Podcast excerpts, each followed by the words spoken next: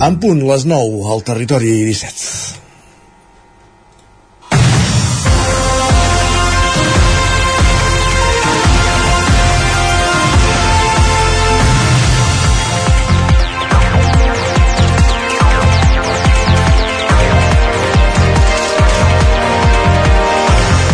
Dimecres, ara ja fa algun dia, rebia una alerta al mòbil amb el següent titular. Espanya, Portugal i el Marroc organitzaran el Mundial de 2030 que arrencarà a l'Amèrica del Sud. Els partits inaugurals se celebraran a l'Argentina, l'Uruguai i el Paraguai i vaig tenir la mateixa reacció que molts dels que ens esteu escoltant. Ja podem anar fent cimeres pel canvi climàtic, ja ens podem anar comprometent amb l'agenda 2030, ja podem anar reciclant a casa i mirant el calendari cada dia a veure quin cubell toca baixar, que arriba al món del futbol i sense mirament se'n va per la tangent i no té en compte res del que socialment es debat a nivell mundial. Equips de futbol volant del Marroc a l'Argentina, d'aquí a Portugal i del Portugal a l'Uruguai. I em direu que per què m'escandalitzo si passa cada dia precisament amb els jets privats dels futbolistes. Menció part també pel respecte a la dona en el món del futbol i a cèrrims dels personatges més funestos, digues Rubiales, Alves o Benzema. És cert, però, que no perquè estigui tan normalitzat, en aquest àmbit no s'ha de deixar de denunciar. N'hi ha que investiguen per ser més eficients, per arribar al consum zero d'energies fòssils l'any 2050, per fomentar les energies renovables i, per contra, els que viuen en l'ostentació i de l'ostentació viuen en un altre planeta, textual. Queda l'esperança que l'any 2030, quan se celebri aquest Mundial, fer un Mundial entre tres països sembli una cosa tan extemporània que més d'un de la FIFA li caigui la cara de vergonya. Diumenge, en un reportatge al Telenotícies de TV3, des de Greenpeace apuntava a l'ús del tren per fer els trajectes entre estadis a Espanya i em va tornar a venir al cap un altre cas de futbolistes, quan Mbappé i l'aleshores entrenador del PSG se'n reien de qui els demanava aparcar l'avió i moure's en tren. Falten menys de 6 anys perquè puguin canviar les coses. És només una esperança. És dimarts, 10 d'octubre de 2023, en el moment de començar el Territori 17, a la sintonia d'Ona Codinenca, Ràdio Cardedeu, la veu de Sant Joan, Ràdio Vic, el 9 FM, i ja sabeu també que ens podeu veure a través de Twitch, YouTube, Televisió de Cardedeu, el 9 TV i la xarxa més.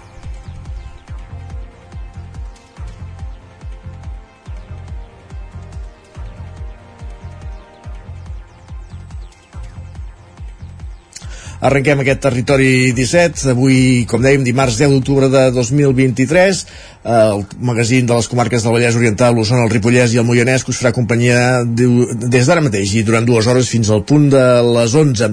De quina manera, amb quins continguts, els avancem tot seguit al sumari, com cada matí. En aquesta primera mitja hora ens dedicarem a aprofundir en les notícies més destacades del territori 17, les notícies de les nostres comarques, i ho farem en connexió amb les diferents emissores que dia a dia fan possible aquest programa. També farem un cop d'ull ull al cel amb el nostre home del temps, en Pep Acosta, que ens avançarà quin serà el temps que, pati, que patirem, diguem-ho així, les properes hores, perquè no es veu cap bri d'esperança. Eh, tot continua igual, sense moviments, amb aquest anticicló instal·lat, sense cap eh, precipitació, però veurem si a l'horitzó, si en Peu Acosta ens pot explicar si a l'horitzó veuen alguna mena de moviment meteorològic.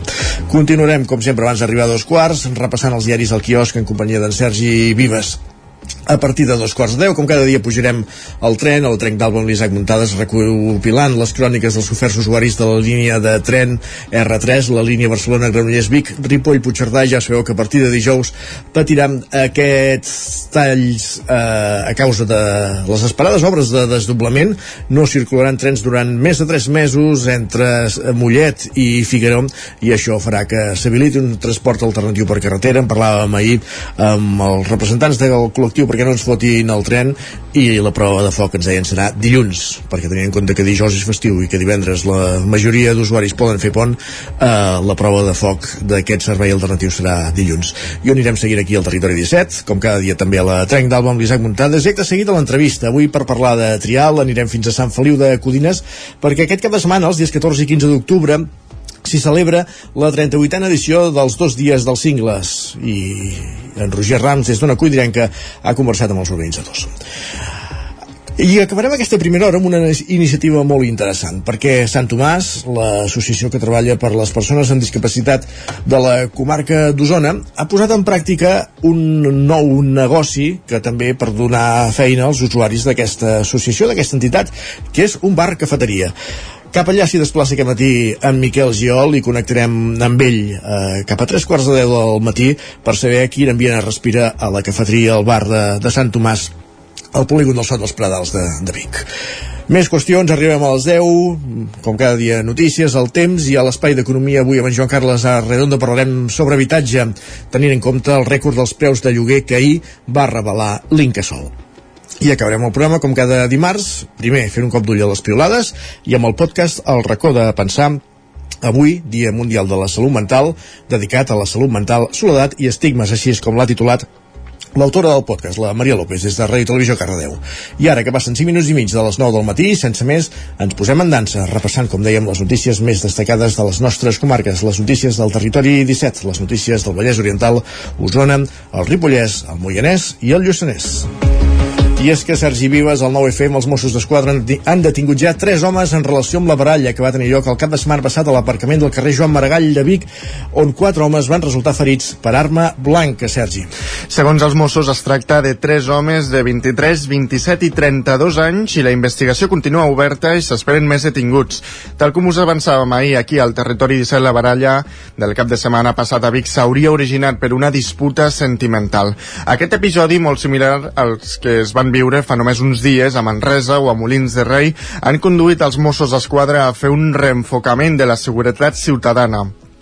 La policia catalana ha començat a utilitzar elements per valorar el risc que fins ara es circumscrivien a terrorisme o crim organitzat, eines de previsió que s'acompanyaran de més efectius en les àrees regionals de recursos operatius, el Zarro i la Brigada Mòbil. Si la situació ho demana, també reforçaran o es reestructuraran els dispositius policials en festes majors o esdeveniments públics. Més qüestions perquè el gerent de Patel, l'escurçador del grup Vall Companys, que ubicat a Sant Martí i Sescors, a Osona, Xavier Planes, declara al jutjat per la presumpta contaminació de la, contaminació de la riera de Sant Martí que el grup de defensa del Ter va denunciar ja l'any 2020. Aquesta entitat s'ha personat com a acusació popular en aquest cas del que ara s'obre un període d'investigació al jutjat de Vic a partir de la querella interposada per la Fiscalia que veu indicis d'un presumpte delicte contra els recursos naturals i el medi ambient. El grup de defensa defensa del Ter va presentar la denúncia en base a unes analítiques fetes l'any 2019 a la Riera en què es quintuplicava la presència d'amoníac permesa, un element que hi tornaria a ser ara en quantitats massa elevades segons els primers resultats d'una anàlisi que van fer la setmana passada. Així ho ha explicat Xavi Crosas, un dels membres del grup que portàvem això molts anys al darrere. Semblava que les administracions ens torejaven sempre com podien i ara doncs, la Fiscalia s'ho ha agafat seriosament i l'informe és molt contundent. La veritat és que estem, en aquest sentit estem molt esperançats. Eh, el que ens sobta és això, és la impunitat amb la qual eh, l'empresa sembla que actua que a hores d'ara, estem parlant de dijous passat la, divendres vam agafar mostres perquè dijous vam veure que baixava fatal segueix igual, ni ho intenten dissimular així doncs, els membres del grup condemnen el que qualifiquen d'impunitat de les grans empreses del sector agroramader, un model que consideren que empobreix el territori a nivell ambiental i laboral. Centelles ha comprat sis pisos que destinarà a lloguer social. Han costat 440.000 euros, finançats amb una subvenció de la Diputació de Barcelona i amb les aportacions dels veïns del barri de Sant Pau a l'Ajuntament en concepte d'aprofitament per la reparcel·lació d'aquesta zona.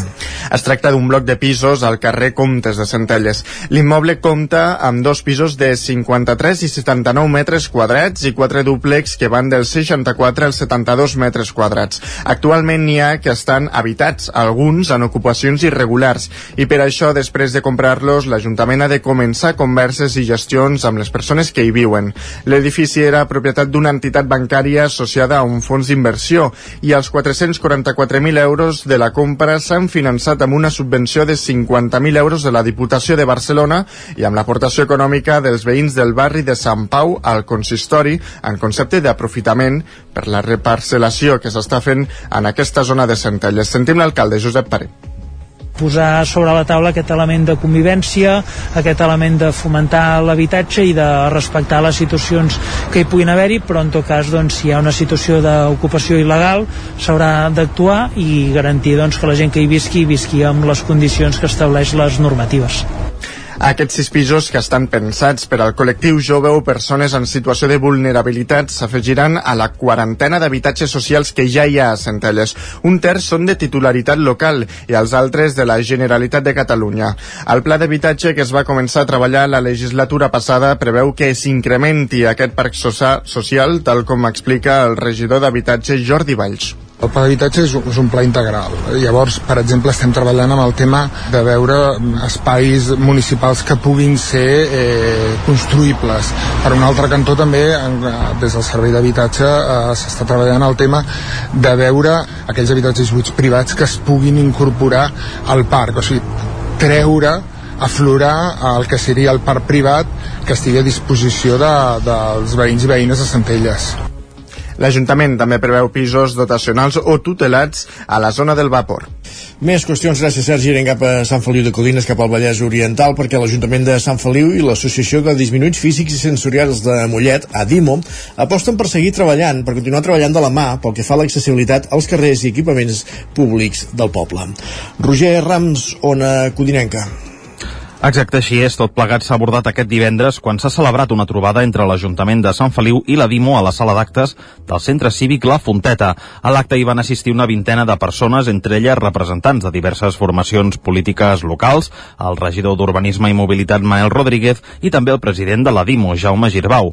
En la trobada es va crear una primera llista de nous punts conflictius al municipi per tal de poder-los fer accessibles, en la qual s'hi troben algunes voreres, passos de vianants o parades d'autobús, entre d'altres altres, tal com explica Isaac Cobos, vocal de Dimo a Sant Feliu. Vam passar a explicar a nosaltres els diferents punts que havíem localitzat en el poble, des de les parades de busos, tema de passos a peatons, del de, rebaix de les voreres, les rajoles aquestes que indiquen en persones amb deficiència visual que ja canvia la rugositat, es van identificar nous punts que nosaltres no teníem identificats però que els usuaris ens van, ens van dir Després d'aquesta trobada, els propers passos a seguir ara són la creació d'una comissió mixta a Dimo Ajuntament per tal de treballar en l'eliminació de les barreres arquitectòniques que encara resten als carrers. També es va anunciar que el consistori comptarà amb l'opinió dels membres de Dimo de Sant Feliu a l'hora de treballar un dels projectes que s'han d'iniciar en els propers mesos, la reforma de la plaça Josep Humbert Ventura ara estem a expenses de que eh, es creï una, una comissió mixta, que és un grup de treball amb l'Ajuntament, perquè de cara a l'aprovació dels nous pressupostos aquesta, aquest 5% ja el tinguem assignat i podrem establir un ordre de prioritats, és a dir, ataquem aquí, ataquem aquí, ataquem aquí. També ens han comunicat que de cara a, nou, a un futur projecte mm, que en principi ha d'aparèixer en els nous pressupostos, que és el projecte de la plaça Nova, que comptaran amb nosaltres per al tema de l'assessorament i en tot això. A principis d'aquest any ja es va celebrar una primera trobada en la que es va fer una primera exploració i el passat mes d'abril es va signar un conveni en el qual hi consta que el consistori destina com a mínim un 5% del pressupost de la via pública a tasques d'accessibilitat i a millorar diversos espais i elements que resulten un impediment per les persones amb diversitat funcional. Gràcies, Roger. Més qüestions. Esquerra de Sant Celoni i la Vallòria demanen una moció, una diada més reivindicativa i menys floral, fet que ha generat controvèrsia a l'últim ple. Enric Rubio, Ràdio Televisió, Cardedeu. Hola, bon dia. Així és, Esquerra de Sant Celoni i la Valllòria va presentar en l'últim ple ordinari una moció en relació a la celebració de l'11 de setembre. La regidora Fernanda Crovara considera que aquesta passada diada l'Ajuntament va decidir optar per un format més floral i menys reivindicatiu en l'acte de la Diada de Catalunya, sense tenir en compte la majoria segons ella independentista de la població. Segons Crovara, també considera fonamental que aquest acte reflecteixi i respecti la voluntat popular. Crovara manifesta que aquesta moció té com a objectiu tornar a adaptar l'acte de la Diada de Sant Celoni perquè sigui més representatiu de les aspiracions de la comunitat i reforci el compromís amb la sobirania catalana. Davant d'això, proposa el reconeixement de la voluntat popular de Sant Celoni, reivindicació d'independència, participació activa de la comunitat, espai de diàleg i promoció de la cultura catalana. El regidor de govern en representació del grup municipal L'Alternativa, Gerard Carot, va ser l'encarregat de defensar la postura de la seva formació política, la qual va dur a terme en contundència expressant cert malestar. Diu no entendre la moció i va criticar els errors topogràfics que contenia el text, mentre preguntava interpel·lant als republicans què volia dir més plural i menys reivindicativa. El regidor del grup municipal L'Alternativa va recordar que en els últims 4 anys el seu grup no s'ha plantejat com s'ha organitzat la diada des de l'Ajuntament i per això admet que els hi fa mal que es critiqui si que es critiqui. Sí que va apuntar, no obstant, que potser s'hauria hagut d'incloure en el context històric el manifest llegit. Gràcies, Enric. I el Ripollès, el cicle de teatre íntims de Ripoll podria continuar després que l'Ajuntament atribuís a un error humà i a un malentès la seva cancel·lació. Isaac Muntades des de la veu de Sant Joan. El cicle de teatre íntims de Ripoll ja no correria perill de desaparèixer després que fa uns dies els partits de l'oposició en bloc del consistori denunciessin que s'havia suprimit la funció prevista de cara al pròxim mes de novembre. El regidor de Cultura, Albert Sant Andreu, va atribuir la notícia a un malentès que s'havia produït entre un treballador de l'Ajuntament i el director del cicle íntim, Jordi Pérez. Sant Andreu explicava que aquest dilluns es va fer una reunió al consistori entre els serveis tècnics i Pérez per esclarir el que va passar. El responsable de Cultura va reiterar que havia estat un error humà arran d'una interpretació errònia d'unes ordres i que tot es va precipitar massa ràpid, provocant un efecte de bola de neu innecessari, ja que hi havia temps de solucionar-ho. Podem escoltar a Sant Andreu detallant on es va produir l'error. Va ser com un malentès, perquè mm. quan es va fer la reunió encara quedava l'espectacle que va fer el dissabte passat de màgia, però clar, ja s'acabaven les funcions que es havien entornat. I la del novembre era com un mes a més, i jo li vaig dir que sí. Però el sigui va interpretar, interpretar que aquell dissabte ja era l'últim i li va dir que no, que ja no n'hi havia més. Això és un error de...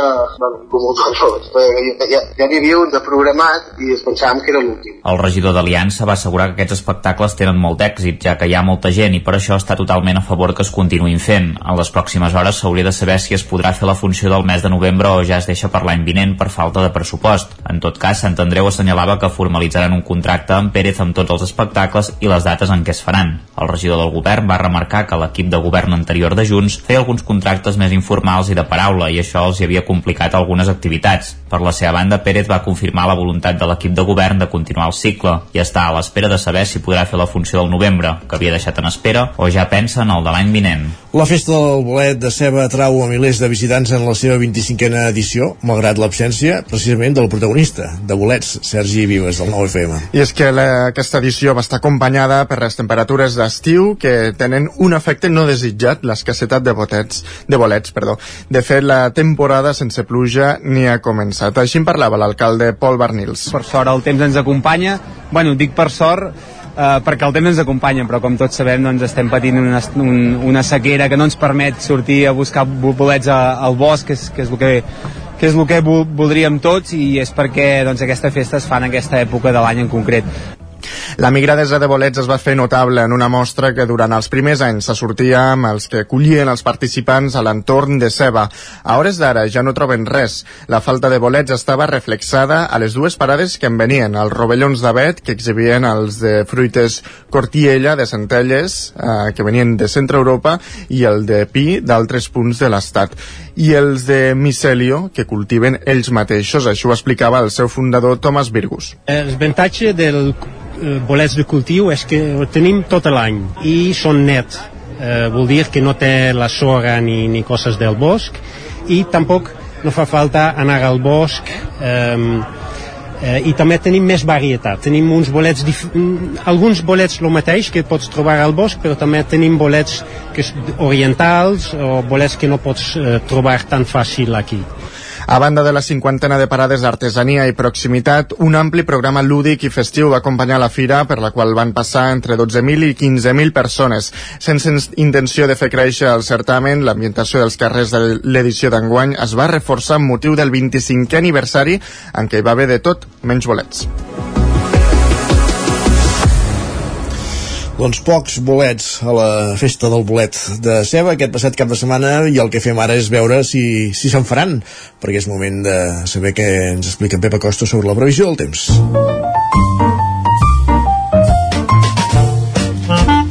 Casa Terradellos us ofereix el temps. Eva Costa, una cotinenca, benvingut. Bon dia. Molt bon dia. Com estàs? Què tal? Ja estem aquí a l'espai del temps. Ja és dimarts. Espero que hagi començat bé la setmana millor que pel que fa el temps, eh? perquè no. Déu-n'hi-do uh, novament una millora. cal del tot uh, desbocada no hi ha dia no hi ha dia que superem els 30 graus en alguna població catalana i, a, a més d'una eh? Uh, anem superant els 30 graus cada dia aquest mes d'octubre eh, bueno, és, és, mm, són valors del tot extraordinaris i que des d'aquelles registres òbviament no s'havien eh, produït mai.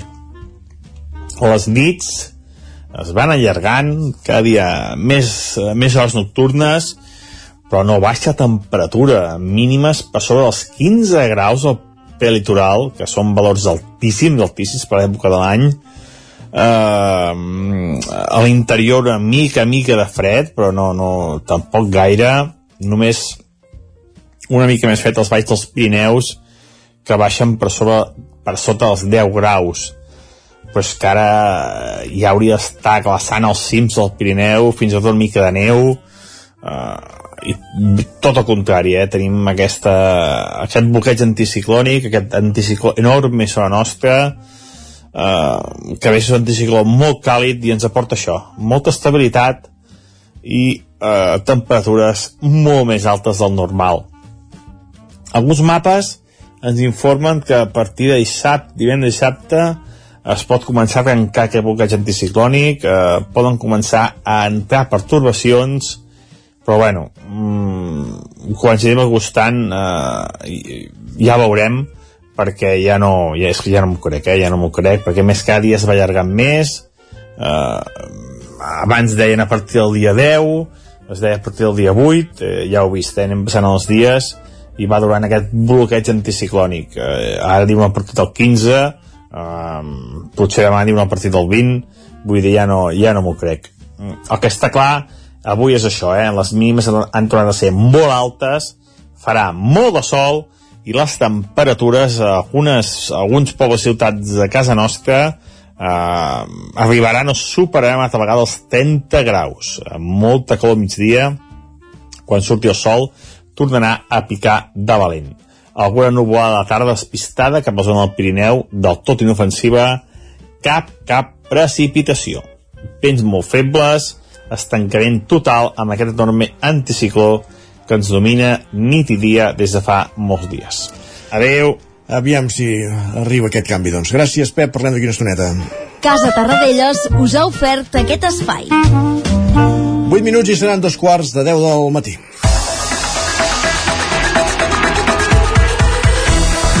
I el territori 17 el que fem tot seguit és anar cap al quiosc a veure quines són les portades dels diaris del dia. Sergi Vives, al 9FM. Per on tiren avui els diaris? Doncs mira, comencem pel punt avui que encapça la portada amb el titular Ni carn ni peix. Expliquen que un projecte de recerca català estudia la transformació alimentària en proteïnes alternatives, vegetals, algues, insectes, fongs i altres microorganismes per fugir de la proteïna animal expliquen que el Centre d'Innovació de Proteïnes Alternatives vol ser un espai de referència a Europa. I... Però no parla de l'acceptació d'aquest producte, eh? perquè llegia en algun altre diari no, no fa gaire que, que, no, que no acaba d'arrencar el producte aquest de la, del substitut de la proteïna carni. Però ho haurem de veure. Haurem de veure. I sota el titular mínim històric expliquen que les reserves d'aigua als amassaments de les conques internes baixen per sota del 21% i originen la pitjor dada de la història de, a Catalunya. Carai. El periòdico diu que Israel respondrà a Hamas amb un atac terrestre. Expliquen que el govern israelià redobla els bombardejos sobre Gaza i aplica un bombardeig total mentre reforça el seu exèrcit. La guerrilla palestina, per la seva banda, amenaça per executar hostatges. Per altra banda, diuen que Sánchez acusa Feijó de no respectar el resultat de les urnes i agitar al carrer. Expliquen que el cap de l'executiu en funcions demana al líder de l'oposició que respecti la voluntat majoritària dels ciutadans de conformar un govern de progrés. Això de respectar la voluntat majoritària dels ciutadans, en fi, tots ens ho podríem anar aplicant. Va, més qüestions. La Vanguardia diu que Hamas amenaça de matar hostatges si Israel bombardeja Gaza sense avisar. Expliquen que hi ha dos espanyols desapareguts mentre xifren en 150 els segrestats pels terroristes. Diuen que el govern israelià ordena el setge de la franja i la Unió Europea resisteix l'ajuda eh, restringeix l'ajuda als palestins. Per altra banda, diuen que Sánchez demana a Feijó que no agiti el carrer i el cap del PP li reclama eleccions. Expliquen que només es van veure 50 minuts en aquesta primera ronda de contactes per constatar que no tenen res en comú. I l'ara encapça la portada amb el titular Setge a Gaza. Diuen que Israel, després de patir l'atac més mortífer de la seva història, amb 900 víctimes, ordena el bloqueig total de Gaza i Palestina comptabilitza 560 morts i Hamas amenaça amb executar hostatges per cada bombardeig sense avís. Per altra banda, destaquen el nou màxim històric del preu de lloguer a Barcelona i Catalunya. Ja. Diuen que en concret a la capital catalana s'enfila fins als 1.123 euros de mitjana. Expliquen que la consellera Capella exigeix al govern espanyol poder aplicar la contenció de rendes. En parlarem a la secció d'Economia de, del preu de, de lloguer a partir d'un quart d'onze. Seguim amb el repàs de portades, ara les espanyoles. El país diu que Israel ordena el setge total de Gaza per asfixiar Hamas. Expliquen que la milícia islamista amenaça amb executar en públic a un hostatge israelià per cada bombardeig sense previ avís que es llanci contra la franja. Per altra banda, diuen que Sánchez i Feijó s'allunyen de qualsevol pacte després de la reunió. Expliquen que els sindicats avalen la política de distensió a Catalunya. La BCE destaca la guerra total contra el terror de Hamas. Expliquen que Israel mobilitza a 300.000 a 300.000 reservistes i adverteix que lluitaran contra animals i respondran en conseqüència. El Mundo diu que el PSOE admet que necessita més temps per pactar amb Puigdemont. Expliquen que afirma que l'acord semblava tancat, però que la negociació s'allarga. Diuen que Sánchez culpa ja el PP dels crits que pugui tenir el 12 d'octubre, aquest dijous, i Feijó li diu, no m'ho estaràs dient en sèrio. Les coses que preocupen. Mare de Déu, senyor. I acabem amb la raó que diu que Feijó repta a Sánchez a anar a eleccions el 14 de gener perquè els espanyols decideixin les seves sessions. Expliquen que el líder popular buscarà recolzament a Europa per fer front a l'amnistia. Repassat a la premsa de paper, fem un cop d'ull als digitals, a l'edició d'Osona i el Ripollès del 99.cat. Doncs ens expliquen que l'Incasol busca solució als dèficits dels pisos de reallotjats de Can Garcia. I a l'edició del Vallès Oriental? Doncs que hi ha un detingut per una agressió a Marba Blanca a la fira de la Festa Major de, de Caldes. En parlàvem ahir també. Gràcies, Sergi. A tu. Acabem aquí aquest repàs als diaris, aquest cop d'ull que hem fet al quiosc, tot seguit al Territori 17, una petita pausa, pugem al tren i a l'entrevista parlem de Trial, dels dos dies dels cingles que se celebren aquest cap de setmana a l'entorn de Sant Feliu de Codines. Fins ara mateix.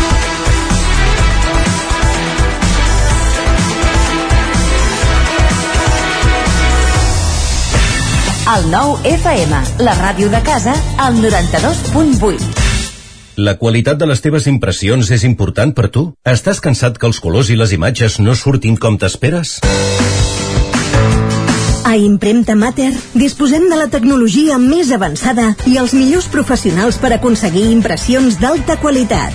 Fem tota classe d'impresos amb acabats professionals. Llibres, catàlegs, revistes, tesis, calendaris, enquadernacions... I a més, disposem del servei d'impressió digital en gran format. Roll-ups, lones, pòsters i molt més.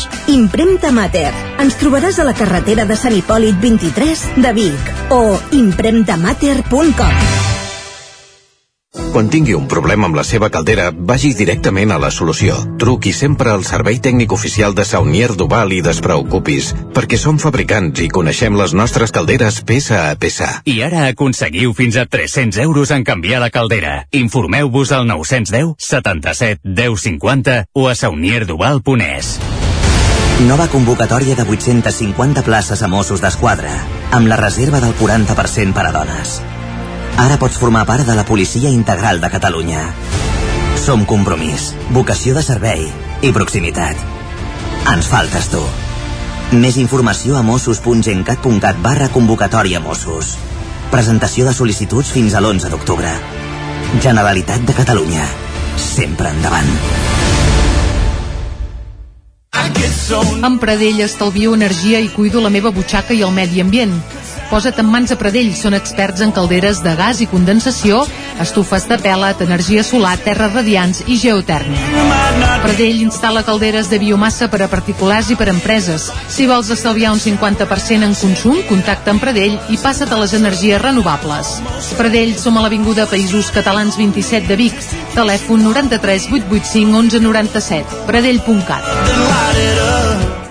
Hasta luego, cocodrilo. El programa Cocodril Club arriba als 30 anys en antena. Vine a la festa d'aniversari. La celebrarem el diumenge 22 d'octubre de 18 a 22 hores a la discoteca Barrocos, Aribau 242 Barcelona, amb les cançons que més us agrada ballar de tots els temps. Actuaran com a padrins Leslie del Cirex. Maldigo mi destino.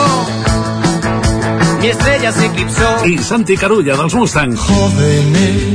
El diumenge 22 a partir de les 6 de la tarda a la discoteca Barrocos Aribau 242 de Barcelona 30 anys de ràdio 30 anys plens de bona música 30 anys de... Cocodril Club, el programa revival de l'Albert Malla. Hasta luego, cocodrilo.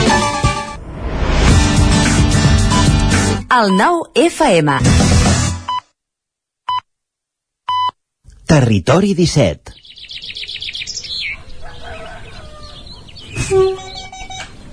A Tren d'Alba. Cada dia els usuaris i usuàries de la línia R3 de Rodalies que veuen sortir el sol des d'un vagó ens expliquen les gràcies i les penes del primer comboi que uneix Ripoll i Barcelona o les feixugues jornades amb el tren després de treballar.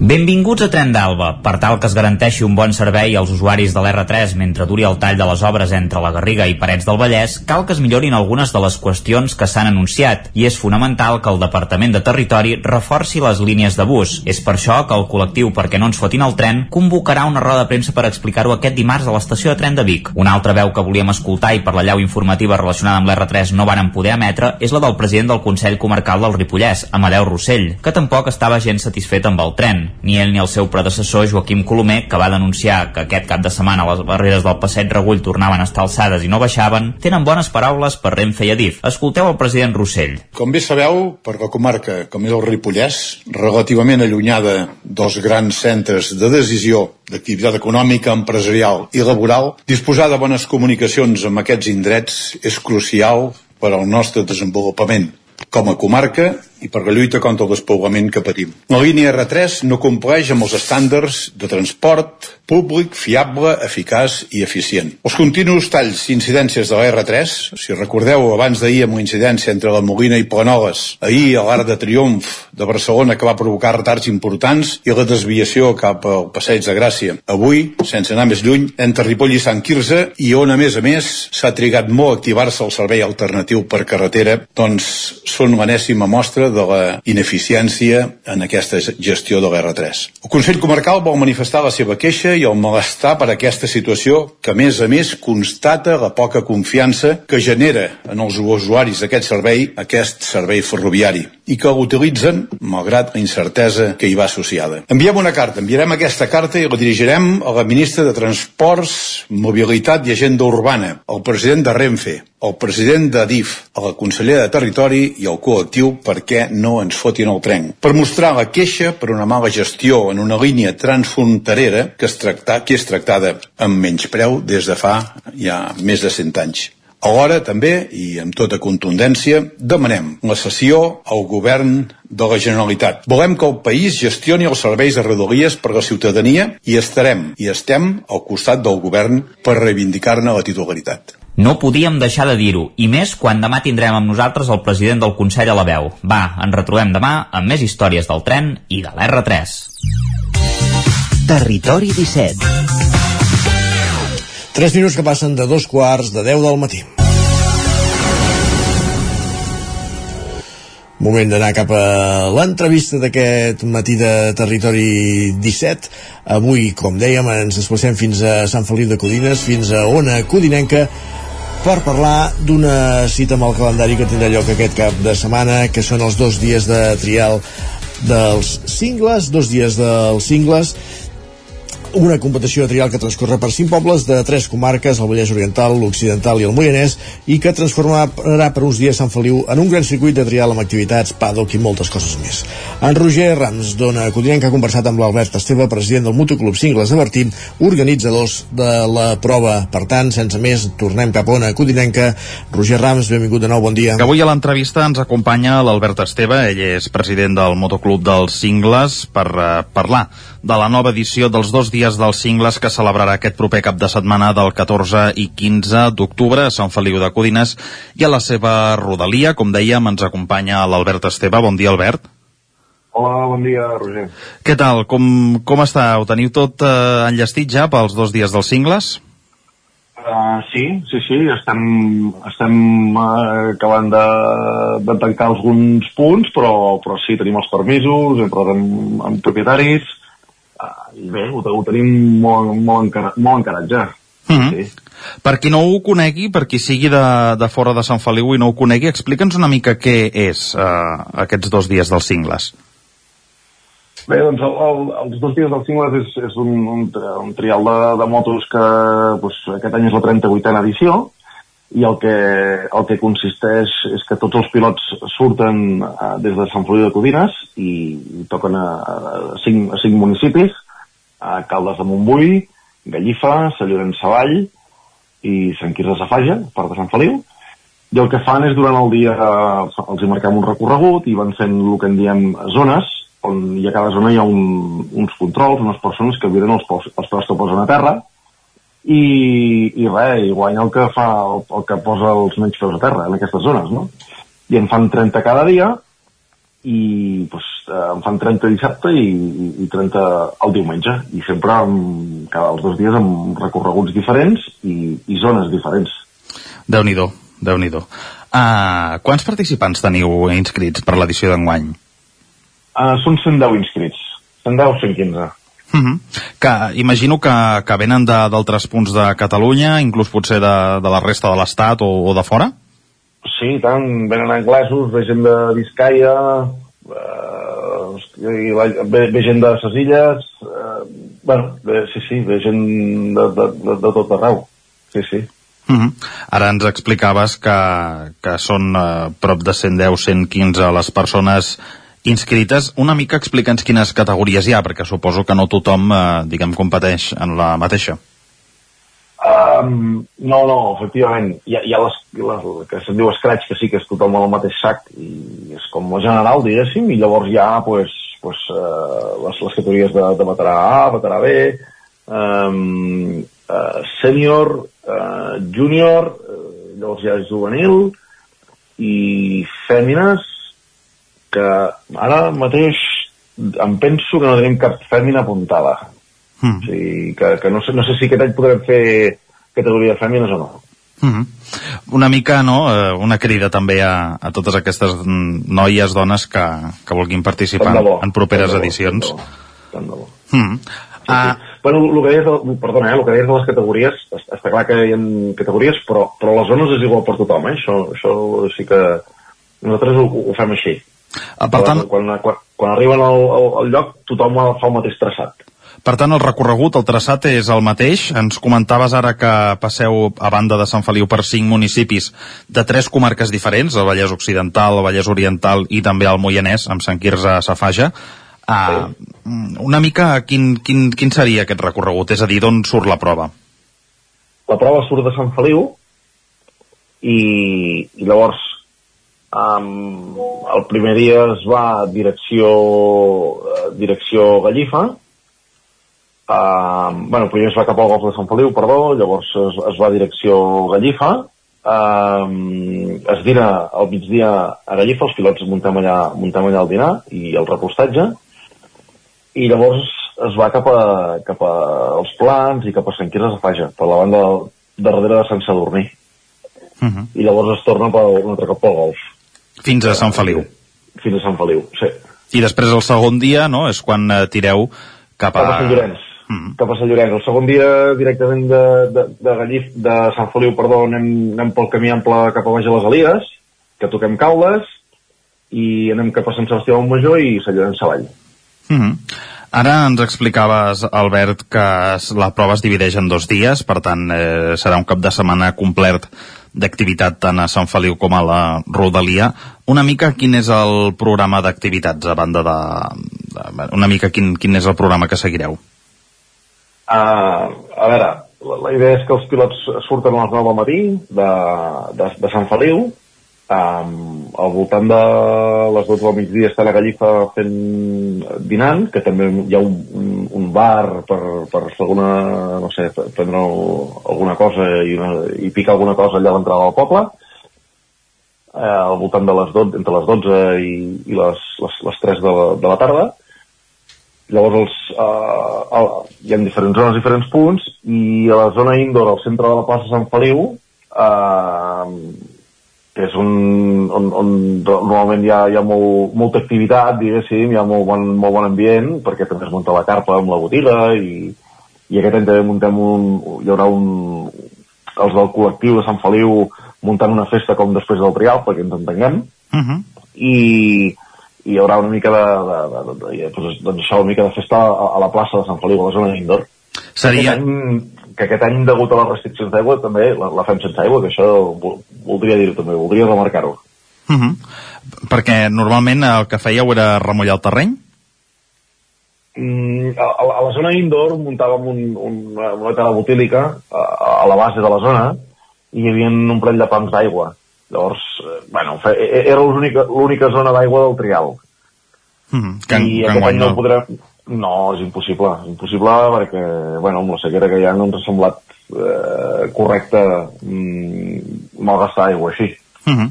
per, per qui no ho conegui, per qui no hagi vingut mai, ara comentaves no, que ens hem d'imaginar que aquest centre de Sant Feliu es converteix per un cap de setmana en una espècie de paddock? Mm, sí, uh, a baix a la, a la Fonteta, al centre cívic, està allà al carrer i venen, venen gent, el, majoria de gent que ve d'altres punts de, de Catalunya o molta gent que ve del resto d'Espanya o de fora venen amb, auto, amb autocaravana. Llavors es munta paddock a baix i també munten carpes els, les, les marques de motos. Uh, bueno, és, és, és ben bé un, un paddock en si, de- Mm. d'una cursa, i tant. Uh -huh. Per tant, un uh, cap de setmana doncs, cap als amants del motor, doncs, una cita aquí a Sant Feliu de Codines pràcticament obligatòria. Ens explicaves, Albert, al principi que aquesta és la 38a edició de, dels dos dies dels cingles. Uh, ens pots explicar una mica com sorgeix aquesta prova? Ostres, aquesta prova la co- la van començar doncs, doncs, doncs gairebé una o dues generacions darrere nostra. A L'any a l'any 70 van crear el motoclub i el 72 van fer la primera prova dels cingles i es van anar fent fins l'any 2007 o 2008. Es van, es van fer 35 edicions. Mm. Llavors, eh, aquí a Sant Feliu diria que ha sigut un dels bressols del, del trial. Uh, en, en, en Josep Figueres hi ha tingut una, una, una part molt, molt important amb, amb el tema de les bicicletes i gent com l'Andreu Codina eh, jo, jo no sóc gaire coneixedor perquè sóc bastant més jove, no? però, però pel que sempre m'han explicat, no? En, Andreu Codina no sé, tota aquella generació del, del, de la, de l'Atpi el, el, uh, no sé, el, el, el, Joaquim, el Joaquim Jou uh, pues, pues, es feia molt, es feia molt, es feia molt trial a, a, la, la zona de Sant Feliu i llavors el, el cingle es va agafar molt de nom era com una prova emblemàtica a nivell, a nivell europeu i mundial totes les marques portaven els seus pilots oficials per, per, per provar les motos i per, per, per fer màrqueting de les seves motos no? i, i bueno, per, per alt per bé, perquè bueno, molts problemes amb, amb medi ambient, es, es van cansar l'any 2007-2008, doncs van deixar de fer-lo, i ara fa 3 anys ens hem tornat a enganxar a, a intentar de nou a donar aquesta, aquesta activitat a, al poble i als entorns.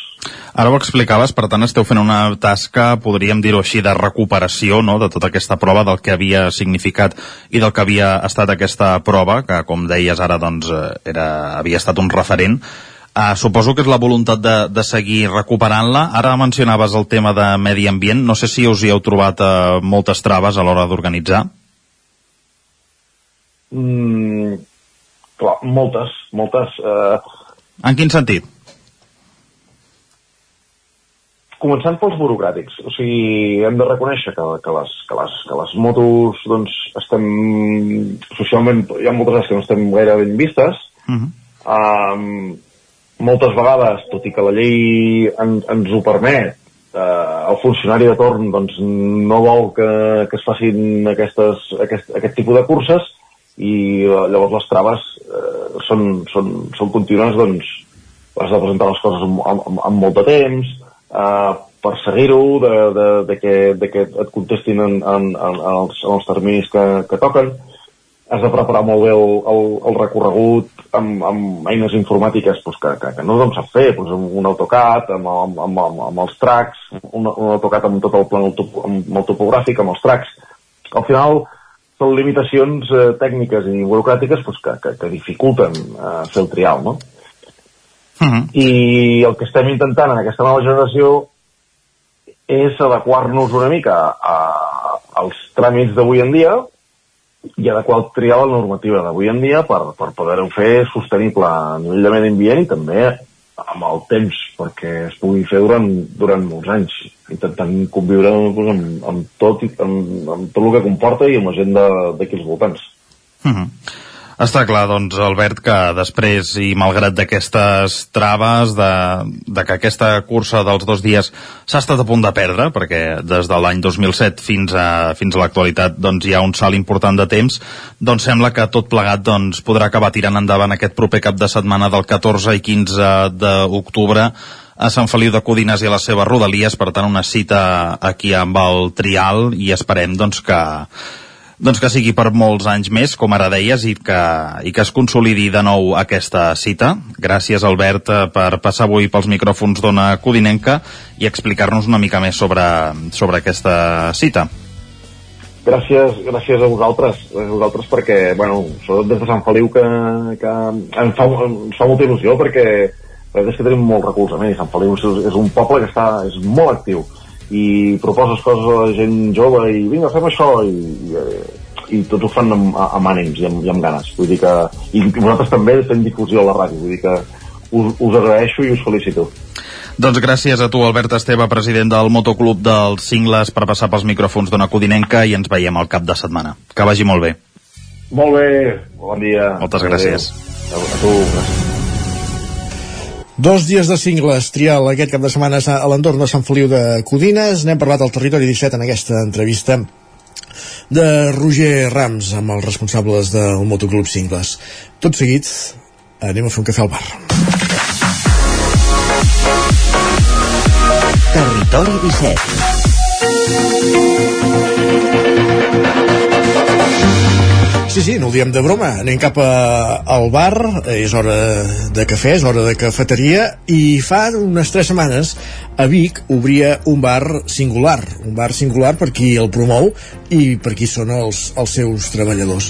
Un bar impulsat per l'associació Sant Tomàs, ja ho sabeu, que treballa per les persones amb discapacitat psíquica de la comarca d'Osona i alguns dels treballadors són usuaris d'aquest servei, dels serveis de, de Sant Tomàs. Fins a aquesta nova cafeteria s'hi ha desplaçat en Miquel Giol del 9FM. Benvingut, Miquel, bon dia. Bon dia, Isaac. Eh, doncs, com molt bé has dit, avui sóc aquí al nord de la ciutat de Vic, cap a la zona industrial, eh, on concretament al carrer Sot dels Predals la Fundació Sant Tomàs ha obert una cafeteria per tots els públics. El seu principal objectiu és ampliar les oportunitats d'inserció laboral i social de les persones amb discapacitats intel·lectuals, però al cap i a la fi eh, té molt més al darrere, inclús oferta formativa. És per això que avui em trobo aquí amb l'Imma Omatell, que és la responsable de la cuina de Sant Tomàs i que també se n'encarrega s'encarrega això de la cuina d'aquesta cafeteria que han obert a la cafeteria Sant Tomàs i que ens explicarà tot molt millor. Bon dia, Imma, i gràcies per acollir-nos aquí al Territori 17. Hola, bon dia, Miquel. Explicàvem això, fa molt poc que heu obert aquesta cafeteria, però ens sabries explicar una miqueta més detalladament en què consisteix tot plegat aquest projecte? Sí, és una cafeteria que ens permetrà donar oportunitats eh, a persones amb l'àmbit laboral i amb l'àmbit formatiu. D'aquesta manera elles doncs, eh, s'inclouen en el món laboral d'una forma remunerada que podran tenir un sou i tenir una vida digna i a més a més podran formar-se amb les capacitats que de, de, de cada persona que pugui amb sala o amb cuina perquè més parlàvem això, que aquesta, aquesta cafeteria té una part que és la, la formativa. Eh, que, per, què, per què tenim aquestes diferents oportunitats dins d'un mateix espai? Sí, en el moment en què vam plantejar de fer aquest projecte, eh, en primer lloc es va tenir en compte doncs, la formació. La formació ens servirà per, per capacitar persones a través d'un cicle formatiu que farem de sala i cuina i que llavors els, les pròpies, els propis usuaris podran fer pràctiques o bé aquí a la cafeteria o cuina central que nosaltres la tenim a Call d'Atenes. per tant, tenim aquestes dues, eh, la, part, la part més formativa i la part més de pràctica real eh, al món laboral. Llavors, una vegada estiguin formades, doncs podran incloure's en, en el treball remunerat, que dèiem ara. I ara aquí en aquesta cafeteria, quantes persones hi treballeu o esteu involucrades? Actualment hi treballem sis persones i treballen tres professionals i tres, tres persones amb discapacitat. Llavors hem fet com equipets i hem fet tres equipets. Eh, el que està a cuina amb l'ajudant de, de, de cuina, el que està a sala servint i el que està a la barra. I tots tots ells estan acompanyats d'un usuari Uh, aquest s'ha format durant un temps uh, amb una petita capacitació amb, amb la part formativa que tenim a Sant Tomàs i d'aquesta manera ells poden posar en pràctica el que han après i, que treballen superbé. De fet, hi ha, hi ha una persona, en Jordi Vilardell, que ja fa molts anys que està vinculada aquí a la cuina i que ell, doncs, uh, li ha agradat molt aquest, poder formar part d'aquest projecte. Després mirarem si podem parlar amb en Jordi Vilardell, precisament perquè també ens expliqui una miqueta millor. Però per seleccionar això, aquestes persones amb discapacitat, per adequar-se en el seu espai i en la seva millor forma de fer, en què us baseu o com seleccioneu la posició que millor els aniria? Des de l'àrea social vam fer un, un, un primer pas de, de fer aquest triatge de persones. Una vegada van, van tenir les persones eh, que creien que els agradaria aquesta feina i que, que podien fer-la, vam fer aquí, abans d'obrir la, la cafeteria, una petita formació amb ells i vam anar veient les capacitats que té cada persona. La que tenia més manipulatives per la cuina, la que tenia més bé per portar a sala o, o més bé per fer cafès. I llavors, eh, aquesta capacitació els hi vam anar donant el lloc de treball a cadascú acompanyat d'un professional i d'aquesta manera ells també se senten molt més segurs a l'hora de fer el servei. Perquè un dels objectius això de la cafeteria és promoure la inserció laboral de les persones amb discapacitat, però quina és la situació, si m'ho sabessis explicar una miqueta, en la que es troben les persones amb discapacitat a l'hora que volen introduir-se al món laboral o volen buscar feina? Doncs moltes vegades es troben amb, amb, amb, amb l'empresa ordinària doncs que, que els hi costa més introduir-se per les dificultats que això, això té, que pot tenir en aquesta feina o bé per pressions laborals, per producció, perquè no tenen un suport psicològic i en canvi aquí a Sant Tomàs eh, eh, troben tot això que es poden inserir en el món laboral tenint una remuneració i a més a més el suport psicològic del Departament de l'Àrea Social que els aporta doncs, aquesta tranquil·litat de, de que te, tenen el recolzament en tot moment. I eh, per la banda d'aquesta aula de formació que teniu a dins d'aquest local, com funciona aquest procés de formació? Doncs aquest procés de formació es farà amb un projecte, amb un, amb un certificat de professionalitat que serà de cambrer i farem alguna pinzellada en sala. Llavors serà una formació adaptada que estem esperant que el SOC ho tregui la convocatòria i que llavors l'aplicarem la, eh, adaptada amb aquestes persones. El, el, possiblement serà una mica més llarga de lo que seria doncs, amb, persones eh, habituals, doncs amb ells potser tindran una adaptació d'un parell d'anys. I eh, precisament el projecte és una cafeteria. Per què una cafeteria, per dir d'alguna forma? Mira, eh, el moment en què també vam pensar en, en una cafeteria, doncs es va pensar també en, en obrir-nos una mica la comarca i ser visibles. Sant Tomàs ja és molt visible i és molt coneguda la comarca perquè tenim dif diferents serveis, jardineria, neteja, però aquest ens semblava que era un, un tracte més directe al client i que, que podíem obrir-nos directament a la comarca i, i fer, ser més visibles i que ens coneixessin encara més perquè ara parlaves del de, el moviment tot plegat de Sant Tomàs, de totes les funcions, de totes uh, les alternatives que teniu per tota la comarca. Quantes persones podríem dir que estan involucrades en, a, a la Fundació de Sant Tomàs, més o menys? Sí, actualment som unes 900 persones uh, al Centre Especial de Treball, uh, un 70% amb discapacitat, per tant creiem que, que, que abarquem molt bona part de la comarca eh, amb, amb aquestes persones aquí al Centre Especial de Treball i que donem moltes oportunitats laborals eh, remunerades i que elles eh, poden fer una vida molt digna eh, llavors al seu dia a dia. Parlem més concretament del que és la cafeteria com a tal, que és el que hi podem trobar a dins d'aquesta cafeteria si per exemple venim a esmorzar. Mira, t'explicaré una mica. La cafeteria obrim a dos quarts de vuit del matí fins a les 6 de la tarda, de dilluns a divendres, i a primera hora del matí fins a mig matí eh, trobem cafès, esmorzars amb entrepans, bruixeria, eh, tens l'oferta doncs, de, de, de matí. Llavors a l'hora de dinar oferim dinars, un menú de tres plats per escollir, de primers, segons i, i postres, i llavors fins a mitja tarda doncs, pots venir a berenar. I en aquestes tres setmanes que porteu el obert ja, com estan tot plegat? Gaires clients o, o encara trobeu que falta que vingui gent? hem obert, eh, fa com bé dius, fa tres setmanes i estem contents amb l'acceptació que estem tenint. La veritat és que cada dia hem tingut molt moviment, tant al matí a primera hora com a l'hora de dinar i pensem que encara podem arribar molt més. De moment no tenim la, la terrassa oberta, però en breu també l'obrirem, per tant tindrem encara més oportunitat doncs, de, de tenir més espais. I si no m'equivoco, eh, no és el primer projecte amb el que Sant Tomàs compta així en un procés alimentari. Per exemple, aquí de Manlleu tenim les patates Sant Tomàs. Quins altres projectes eh, teniu per aquí a la zona? Um, tenim el projecte de la xocolata que ja està molt implantat a nivell eh, agroalimentari i que ja són molt presents a tota la comarca i a punts de tot Catalunya actualment. Per tant, eh, el que és el sentit agroalimentari anem creixent moltíssim a Sant Tomàs. Perfecte, doncs moltes gràcies, Imma. Nosaltres ara ens mourem, ens mourem per aquí dins de la cafeteria, perquè, com comentàvem abans, tenim per aquí en Jordi a, a Vilardell, que sembla que ja porta molts anys implicat en aquesta, en aquesta causa i en aquests negocis, i ens acostarem a veure que ens explica una miqueta com funciona tot plegat. Ara veiem que està aquí preparant un cafè, uh, un cafè amb llet, no? De moment sembla? Molt bé. Jordi, uh, bon dia. Ens explicaries una miqueta en què consisteix uh, aquesta feina que fas tu aquí en, la, en, en aquí a la cafeteria de Sant Tomàs? Sí.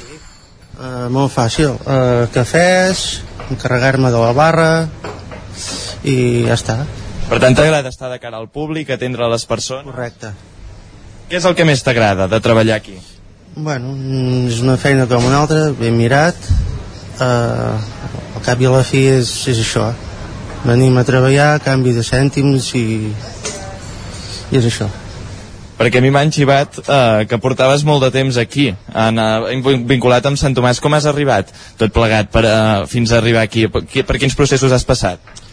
Bueno, vaig entrar a treballar a la cuina, ara enguany farà 10 anys, 11 quasi bé, i llavors, bueno, he estat 10 anys allà a la cuina, fent de tot, i ara se'm va obrir les portes de venir aquí. I què és el que més t'agrada d'aquí en aquesta feina? Mm, el tracte amb el client, ara entra en Pau, surt en Pere, i això. Estàs content de, de poder trobar Sí, sí, fantàstic. Va, i ja per acabar, què els diries a la gent que ens escolta des de casa? Algun missatge així que cafès com els que fem aquí a Sant Tomàs a, poques, a pocs llocs doncs moltes gràcies, Imma, moltes gràcies, uh, Jordi. I Isaac, jo, si vols, vaig agafant taula ja per quan acabis el programa, venir a esmorzar aquí sí. i així és, uh, uh, passem una estoneta. Sí, perquè aquests cafès que, que preparen Jordi, si diu que no els trobes lloc més, els haurem de venir a tastar alguna hora, eh? Clar que sí, no, la veritat tenen bona pinta, tenen bona pinta. Molt bé. Gràcies, Miquel, un matí més per acompanyar-nos des de la distància, en aquest cas des de l'exterior, des d'aquesta nova cafeteria, aquest nou servei que ha posat a la vent, eh, que ha posat en funcionament des de Sant Tomàs i per conèixer una mica doncs, la, la realitat d'aquest projecte que dèiem que això, que fa tres setmanes que està en funcionament i sentíem abans que et deia Lima que, que, que déu-n'hi-do l'acceptació que està tenint, eh? Hi ha molta gent sí. ara mateix aquí o què? Sí, déu nhi veiem bastantes taules plenes, gent a la barra, la, la gent ve amb ganes d'esmorzar i no m'estranya, eh? jo també, eh, ara m'estan venint les ganes de quedar-m'hi, tot i que és, és, és això, vull dir, hi ha bastanta gent, hi ha bastant moviment, però tot això sembla que quan inclús hi donin més difusió encara estarà més ple, vull dir que a veure com funciona tot plegat. Explica'ns una mica, va, fes-nos ambient, què, què esmorza la gent, fes el tafaner, va. Uh, Mira, sobretot, sobretot, sobretot el, el que veiem són cafès. Els cafès sembla que venen molt, no m'estranya perquè en Jordi es nota que té facilitat a, a en fer els cafès i que... I cafès de tot uh, tipus, amb llet, sols, tallats, Sí, sí, ara, ara de fet està preparant, ara, ara està preparant un, un cafè amb llet, la, la veritat. Uh, sembla, sembla... De fet tenim bastanta gent aquí a la barra, eh? però veiem tot tipus de coses. Mira, allà veiem tot tipus de brioixos, uh, que, que, això sembla que són berlines, veiem pastissets així de... pastissets de poma, croissants amb xocolata, tot amb molt bona pinta. Uh, croissants normals també. Vull dir que ara aquí a Osona ja sembla que tinguem afició a fer croissants. Llavors, uh, eh, Bueno, tot fa, plegat fa, és fa anys això. que fem croissants. Ara, ara portem alguna ratxa de premis, però fa molts anys que fem croissants aquí també, no? Sí, home, i tant, i tant. Bueno, per, per generalment, però és això, ara estem, ara estem en ratxa, llavors és això. Tenim bastanta gent per aquí, veiem com el, tenim a la, a la, els treballadors just aquí davant de la barra, que veiem com ho fan tot artesanalment. Bueno, els cafès, els, els cafès en màquina, eh? això tot s'ha de dir. Però, però tot, però tot i així té, té molt bona pinta, veiem com estan preparant els pastissos, veiem com preparen el menjar. Mira, Va. ara, ara li serveixen el cafè en un senyor. Va, que ens faràs venir gana a tots els oients i, i els que estem aquí. Gràcies, Miquel, i fins la Molt propera. bé. Que vagi bé, Isaac. Bon dia. Adéu. I arribarem als 10 a música, ho us explicàvem ahir, els Catarres eh, tanquen el desè aniversari amb la publicació de noves, cançó, de noves versions de cançons pròpies com aquest Vull estar amb tu, acompanyats de Stay Home a Sisó. Jo vull estar amb tu, vull estar amb tu, vull estar amb tu. Jo vull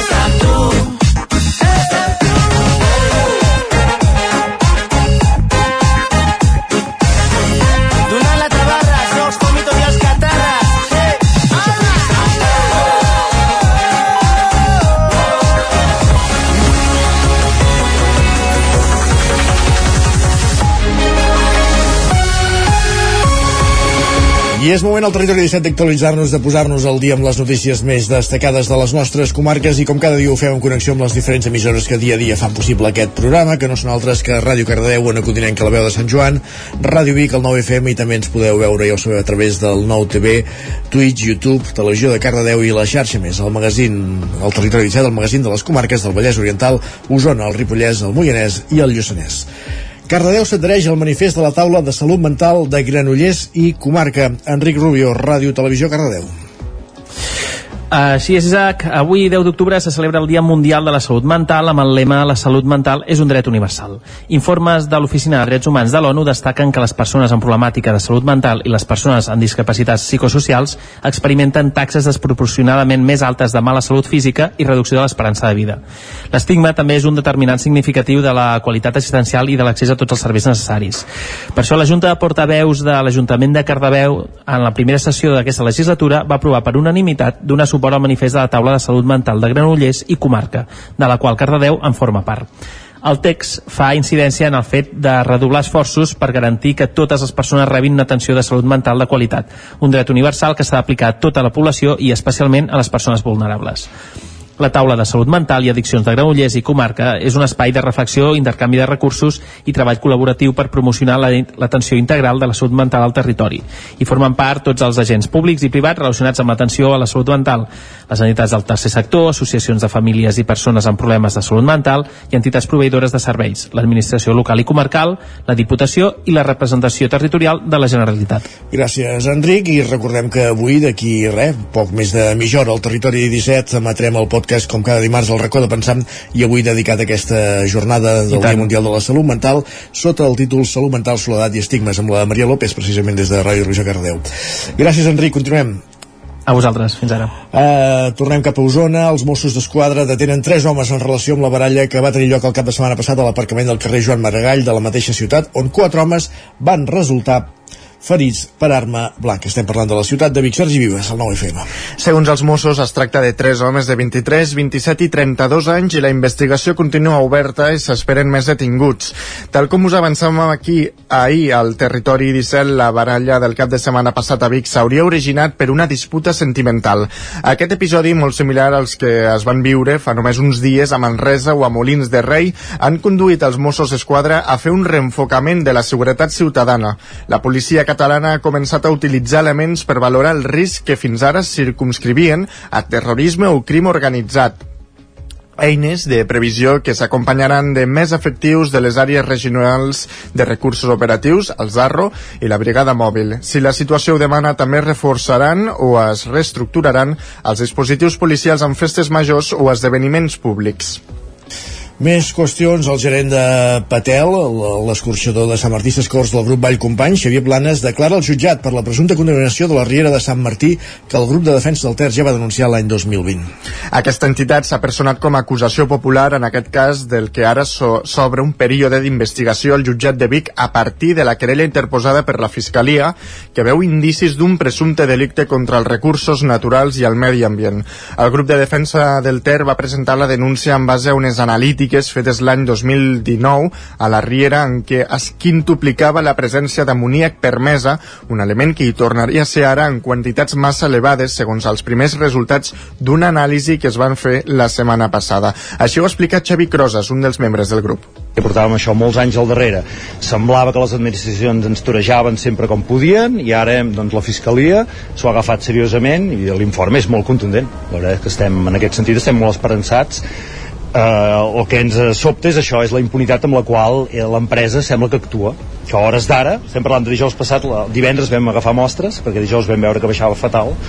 Segueix igual, ni ho intenten dissimular Així doncs, els membres del grup condemnen el que qualifiquen d'impunitat de les grans empreses del sector agroramader, un model que consideren que empobreix el territori a nivell ambiental i laboral. La Universitat de Vic es mobilitza contra l'emergència climàtica amb un programa transversal d'activitats. El programa inclou una vintena de propostes entre conferències i taules rodones, exposicions, projeccions audiovisuals i una presentació de llibre. L'eix central és la responsabilitat de les institucions acadèmiques en la preparació de les futures generacions per fer front als reptes ambientals o socioeconòmics que sorgeixen a causa del canvi climàtic. Precisament avui, que els embassaments de Catalunya es troben al 21% de la seva capacitat, una situació crítica, es farà una conferència sobre la gestió de l'aigua a Catalunya. A càrrec de Narcís Prat, catedràtic emèric d'Ecologia de la Universitat de Barcelona, es farà el casal Francesc Macià de Centelles a les 6 de la tarda. I demà, a les 12 del migdia, Jordi Bairreda, investigador del Centre de Recerca Ecològica i Aplicacions Forestals, explicarà quin tipus de gestió caldria per reduir la vulnerabilitat dels boscos al canvi climàtic. Serà la sala Segimon Serrallonga de Vic. Gràcies, Sergi. Més qüestions. Anem cap al Ripollès perquè la Bienal de Metall de Can creix i atreu molt de públic amb activitats com el combat medieval. Ens ho explica l'Isaac Muntades des de la veu de Sant Joan. Des de divendres i durant tot el cap de setmana, Can de Bànol va celebrar la cinquena edició de la Bienal del Metall. Un dels actes més espectaculars va ser dissabte al matí amb l'exhibició de combat medieval a la plaça de la Dansa. Aquesta disciplina esportiva, anomenada Bohurt, va enfrontar el club esportiu Born de Barcelona i els draconis armatos de Saragossa. Els guerrers, que duien una armadura de 25 quilos de pes, es batien en un duel al ring instal·lat al mig de la plaça fins que un en sortia vencedor. En total s'hi van reunir una desena de guerrers i l'activitat va treure molt de públic. Els guerrers van utilitzar espases espesades destrals, alabardes i escuts per lluitar. Les regles del combat eren simples. Els combats tenien una durada de dues rondes d'un minut cadascuna i guanyava el que feia més punts en cops directes a l'armadura o el que tombés l'adversari sempre que aquest no s'aixequés. Si hi havia un empat es feia una tercera ronda i si persistia la igualtat guanyava el primer que piqués armadura. Després d'uns quants duels i de l'arribada als armats de Can Bànol es va fer una melé de 4 contra 4 en què cada equip va guanyar una ronda i el club esportiu Born de Barcelona va vèncer en el desempat. La Bienal, que enguany va créixer amb la presència de més de 45 parades sense comptar les atraccions, va tenir actes molt lluïts com la cercavila amb la geganta gala i els capgrossos dels nens de l'escola, o la conferència del mestre forjador Enric Pla, que fa 6 anys que treballa a la Sagrada Família de Barcelona. També va engegar-se la gincama digital i turística a l'aigua, al ferro i l'or de Can de Bànol, amb obsequi pels 20 primers que l'acabin. La valoració de la regió de cultura del consistori, Marta Guitart, va ser molt positiva. El temps sobretot ens ha acompanyat moltíssim, que és una de les parts més eh, importants perquè tot es fa al carrer i nosaltres estem molt contents de, de les noves eh, incorporacions que hem fet perquè en, real, en realitat eh, no s'ha incrementat eh, el, el pressupost sinó que hem pogut, pogut englobar-ho dins de, de gairebé el mateix i creiem que ha estat un, unes innovacions molt interessants Diumenge es va fer el ferrat d'un cavall en viu i es va inaugurar la peça de forja artística feta durant el certamen per la vintena de forjadors que s'hi van aplegar. El forjador oficial de la Bienal, Eulogi Villalobos, explicava que va començar a fer-la al seu taller i també el que significava. La base és el que seria el riu Freser i les quatre barres que tenen una mica a veure amb la senyera són els quatre afluents del Freser. Vaig, vaig agafar aquesta, vaig prendre aquesta llicència artística d'unir dues coses que són molt importants tant pel poble com per mi, pel, pel fet que jo soc d'aquí, no? no? Posarem les lletres de Camp de Bànol, evidentment, la, la partitura que hi ha dalt és les primeres notes de la gala. Hem fet un, un, un símil sobre els gorgs que tenim allà en el cantó més esquerre, flors, i res, ens queda posar la nena bonica, que és el campanar. La peça té un simbolisme molt errat al poble i espera que la posin a l'entrada de la vila. Gràcies, Isaac. Més qüestions anem cap al Moianès perquè amb la mirada posada al 2024 alguns pobles d'aquesta comarca ja han iniciat aquests dies reunions per organitzar les seves festes majors de l'any que ve. Roger Rams, Ona Codinenca. Exacte, tot i que encara queden 10 mesos llargs per la majoria de les festes majors de la comarca del Moianès, els consistoris avancen cada any més els preparatius per tal d'implicar a tots els segments de la població a l'hora d'organitzar les festes majors i enguany s'han avançat més que mai. En el cas de la capital, Moià, des d'aquest dilluns i fins al proper diumenge, es pot votar ja quins dels següents grups de música han d'actuar al municipi. Entre les propostes hi trobem grups com Figaflaues, Mafalda, La Fúmiga, Julieta o Els Catarres. La votació és oberta a totes les persones majors d'11 anys i residents a Mollà i es pot fer via telemàtica o també presencialment a diversos equipaments del poble. A la mateixa línia van a Castellterçol, el poble veí, on aquest dissabte s'ha reunit la comissió de festes per fer balanç de la darrera edició i per iniciar també els preparatius amb entitats i col·lectius del poble dels actes de la propera festa major. Gràcies, Roger. Més qüestions a Vic. La Biblioteca Pilarín Vallès fa celebra el seu primer aniversari. Des de l'obertura fins avui, per l'equipament, hi han passat 305.000 persones que han utilitzat els diferents serveis. Sergi Vives. Això és el mateix que dir que la mitjana que de mitjana hi han passat 25.000 persones cada mes o unes 1.000 cada dia. També s'ha posat de relleu que és la biblioteca que obre més hores de tot el país, 62 hores setmanals. Ara han anunciat que a partir de finals d'octubre i durant 5 mesos també obriran els diumenges. Ignasi Janés, el coordinador general de la biblioteca. Si d'aquí un any podem mantenir unes dades similars a les d'aquest any, eh, la consolidació ja serà un fet i en tot cas veurem el que ja estem notant aquests últims mesos que la, diguem-ne, la, la novetat, aquesta explosió que van haver-hi les primeres setmanes, els primers mesos, doncs ja s'ha assentat d'una manera molt, molt confortable, molt còmoda. Pel que fa al nombre de préstecs, se n'han fet 88.300, 20.000 més que el darrer any a la Triadú. En el cas dels nous carnets, l'augment ha estat considerable. Esther Ferrés és la directora de la biblioteca. Hem multiplicat gairebé per 5 el nombre d'inscrits a, la, a la biblioteca, sense que això signifiqui menys tenir les dades que teníem a la Joan Triadú. Però és evident el salt que s'ha fet. De 890 carnets a la Triadú hem passat a 4.364 inscrits en aquest període d'obertura de, de la Pilarín. Però és que, esclar, el mes d'obertura, el mes d'octubre, el mes de la inauguració, van fer 1.009 carnets en un mes. De cara al segon any de funcionament, l'equipament ja es planteja dos reptes. D'una banda, iniciar la renovació del pla de lectura municipal i de l'altra, acollir l'octubre vinent unes jornades pioneres a l'entorn de la llengua i la comprensió lectora.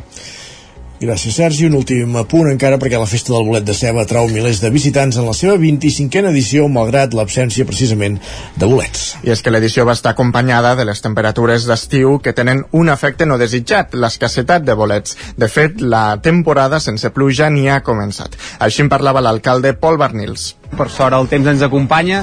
Bueno, dic per sort eh, perquè el temps ens acompanya, però com tots sabem doncs estem patint una, un, una sequera que no ens permet sortir a buscar bolets a, al bosc, que és, que és el que que és el que voldríem tots i és perquè doncs, aquesta festa es fa en aquesta època de l'any en concret. La migradesa de bolets es va fer notable en una mostra que durant els primers anys se sortia amb els que escollien els, el, el, que collien els participants a l'entorn de Ceba. A hores d'ara ja no troben res.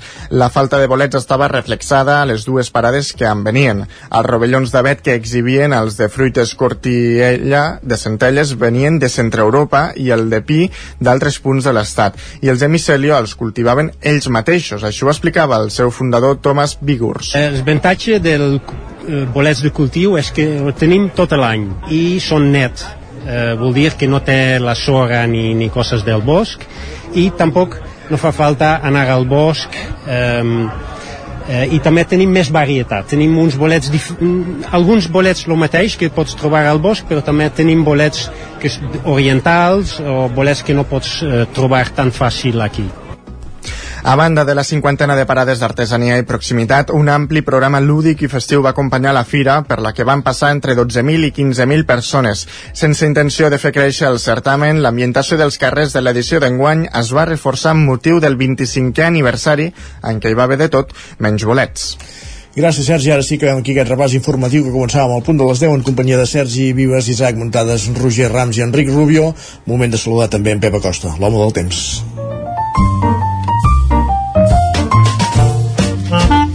Casa Terradellos us ofereix el temps. Tornem a una codinenca Pepa Costa, com es presenta la jornada meteorològicament parlant. Molt bon dia. Què tal?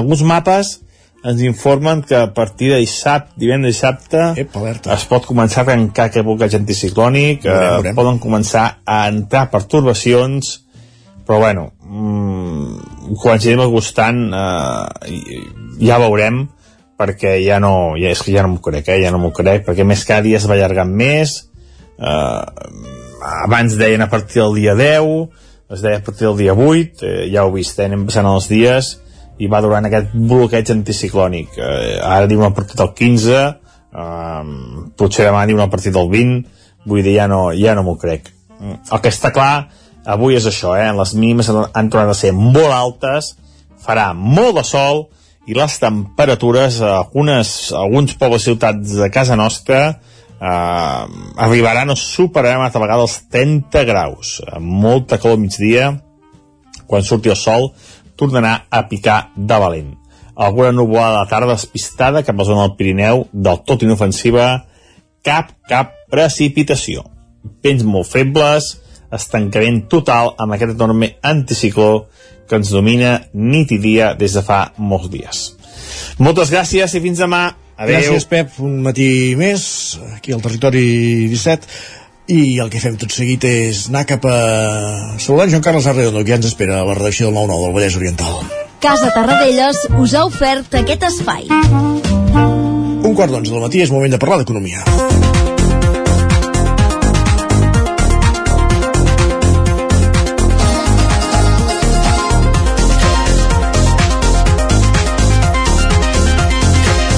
I avui, Joan Carles Arredondo, el que volem fer és parlar de, dels preus de, dels pisos, dels preus de lloguers, per ser més exactes, després de les últimes dades facilitades aquest mateix dilluns per l'Incasol. Joan Carles Arredondo, benvingut, bon dia.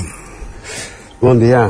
Doncs mira, ens trobem amb, amb que una llei catalana recorreguda i, i ja sentenciada, diguem-ne, en contra per, per part del Constitucional, i una llei estatal que en els grans, en, en els grans trets és gairebé calcada d'aquesta llei catalana recorreguda i, i, i no aplicada eh, doncs eh, el preu del lloguer no para de, de tocar sostre eh? Vull dir, ha passat aquesta llei catalana ha passat aquesta llei estatal però el preu del lloguer no para de, de tocar sostre com, com deies, eh, aquest dilluns l'Institut Català dels Sols va, va comunicar que el preu mitjà a Barcelona ha tocat sostre en el segon trimestre de l'any, eh? són dades doncs, per tant de final de juny, i que han arribat a 1.123 euros al mes eh, amb un creixement de doble dígit, eh? prop del 13% respecte a, eh, als preus que hi havia fa un any. La barrera dels 1.000 dels 1.000 euros no és només una cosa de Barcelona, que a vegades hi ha molta tendència a fixar-se només en com està la cosa a Barcelona, sí. i hi ha una vintena de municipis i no cal anar gaire lluny no cal anar gaire lluny de la redacció del Vallès Oriental a Granollers, diguem-ne no cal anar gaire lluny d'aquí perquè hi ha exemples al Vallès Oriental de, de, de poblacions en les quals el preu del lloguer supera els 1.000 euros. l'Ametlla, Vallromanes, Vilanova del Vallès eh, també estan amb, amb aquests índexs de preus no, no, no he trobat exemples a Osona, no he trobat exemples al Moianès, però sí, diguem-ne, al Vallès Oriental. Uh -huh. eh, això és perquè es vegi això, eh, que aquest no és un problema únicament de la capital catalana. De fet, el, el cost mitjà del lloguer a tota Catalunya en, no arriba al doble dígit, però gairebé, eh, perquè ha sigut un creixement del 9,7% respecte de fa un any, de manera que en, eh, potser és un fenomen molt barceloní eh? el, el, el, que, el, que, el que transcendeix més és, és el problema barceloní però diguem-ne que no només són problem, un problema de Barcelona després una mica de passada intentarem explicar què és el que està passant no? um, el, per descomptat, el problema principal és fins a quin punt aquests preus arriben a excloure del mercat particulars i famílies, els particulars i famílies amb menys recursos. Eh? Aquest és el problema principal. Però n'hi ha, a més, eh, d'altres que, que són, podríem dir, secundaris. El, primer és una mica més filosòfic, eh? que, que, que, que, que t'estiguin dient quins preus hi ha tan elevats no acabi resultant no ja escandalós eh, sinó ni tan sols sorprenent eh, per el, veure com estan pujant els pisos del lloguer i gairebé és com, com un dia a l'oficina eh, vull dir, gairebé t'ho prens com una, com una rutina. Aquest és un dels problemes secundaris. El segon, eh, i aquest sí que és eh, del que volíem parlar diguem-ne eh, perdó. Salut. És la reacció, gràcies. És la reacció del sector quan se li demana per les causes d'aquesta escalada. mai no és culpa dels promotors, mai no és culpa dels constructors, mai no és culpa dels agents de la propietat. El sol, els preus sol. Uh, això és culpa, de, i sobretot de culpa que no hi ha oferta. Perquè diuen que si no hi ha oferta és perquè, efectivament, no, no hi ha prou sol i, a més a més, no s'obté prou suport públic. Recentment, eh, fa poc més d'un mes, el, el president dels agents de la propietat immobiliària eh, de, de Barcelona i també de l'Estat mm, reclamava això en una entrevista a la televisió eh, assenyalant com únic culpable el fet que no hi ha prou oferta perquè eh, diguem-ne no hi ha hagut prou suport públic. Tot això es, es sintetitza en una, en una petició eh, que és que hi hagi eh, col·laboració público-privada de fet això de la col·laboració público-privada ja s'ha convertit gairebé en un tòpic eh, gairebé tothom ho demana. Però en el cas dels constructors és una visió ben particular del que és la col·laboració. És a dir, que la part pública assumeixi els riscos i la part privada gaudeixi dels beneficis. I això, diguem-ne, no seria exactament qualificable com a col·laboració. Sota un pretext avaluable en dades de fet és cert, l'estat espanyol està en posicions molt endarrerides pel que fa a oferta d'habitatge social. Parèntesi, és un 3% de tot el parc d'habitatge que hi ha a l'Estat. Uh -huh. és eh, habitatge social quan la mitjana europea és del 9,3 i ens trobem en casos extrems com Holanda que arriba fins al 30 eh? 3% en doncs, tants casos encara ho trobo molt però vaja, segurament deu ser això. El que passa és que hi ha moltíssim d'aquest eh, habitatge social que ve de, de temps enrere. És veritat que portem molts anys sense política d'habitatge. Correcte i diguem-ne que clar, el que abans era molt l'habitatge social s'ha anat empetitint, empetitint, empetitint fins a arribar a aquest 3% no? doncs això, eh, això és avaluable 3% contra 9% és evident que, que, hi ha un, que hi ha un retrocés i per tant, sota aquest pretext els agents immobiliaris insisteixen en la necessitat que es facin importants aportacions pressupostàries per corregir aquest desajust no? Mm, està, està bé que es, que es plantegi que, que es pugui sondejar diguem-ne no? aquesta, aquesta opció com, de, com dèiem, hi ha hagut molts anys en què la política d'habitatge ha estat, per dir-ho suau, qüestionable i el panorama és clarament desfavorable si es compara això amb els països de l'entorn, el que estàvem dient. Eh, però resulta injust que les culpes es carreguin exclusivament aquesta desatenció pública eh, del problema i injust que els promotors estiguin apuntant amb el dit la necessitat de l'habitatge amb el dit de la necessitat de l'habitatge social la lluna de la realitat immobiliària alterada per factors aliens completament aliens a residents de municipis com Barcelona, l'Ametlla, Vallromanes, Vilanova, Vallès, que estaven dient, però sobretot a Barcelona, en el qual els lloguers turístics o els anomenats, o, o, o, o, o la presència, la irrupció en el mercat dels, dels anomenats expatriats, eh, que això, que, això que en diuen nòmades digitals, estan incidint una alça de preus que expulsa la població autòctona i a més d'encarir el preu de Barcelona, està encarint els preus de les poblacions metropolitanes.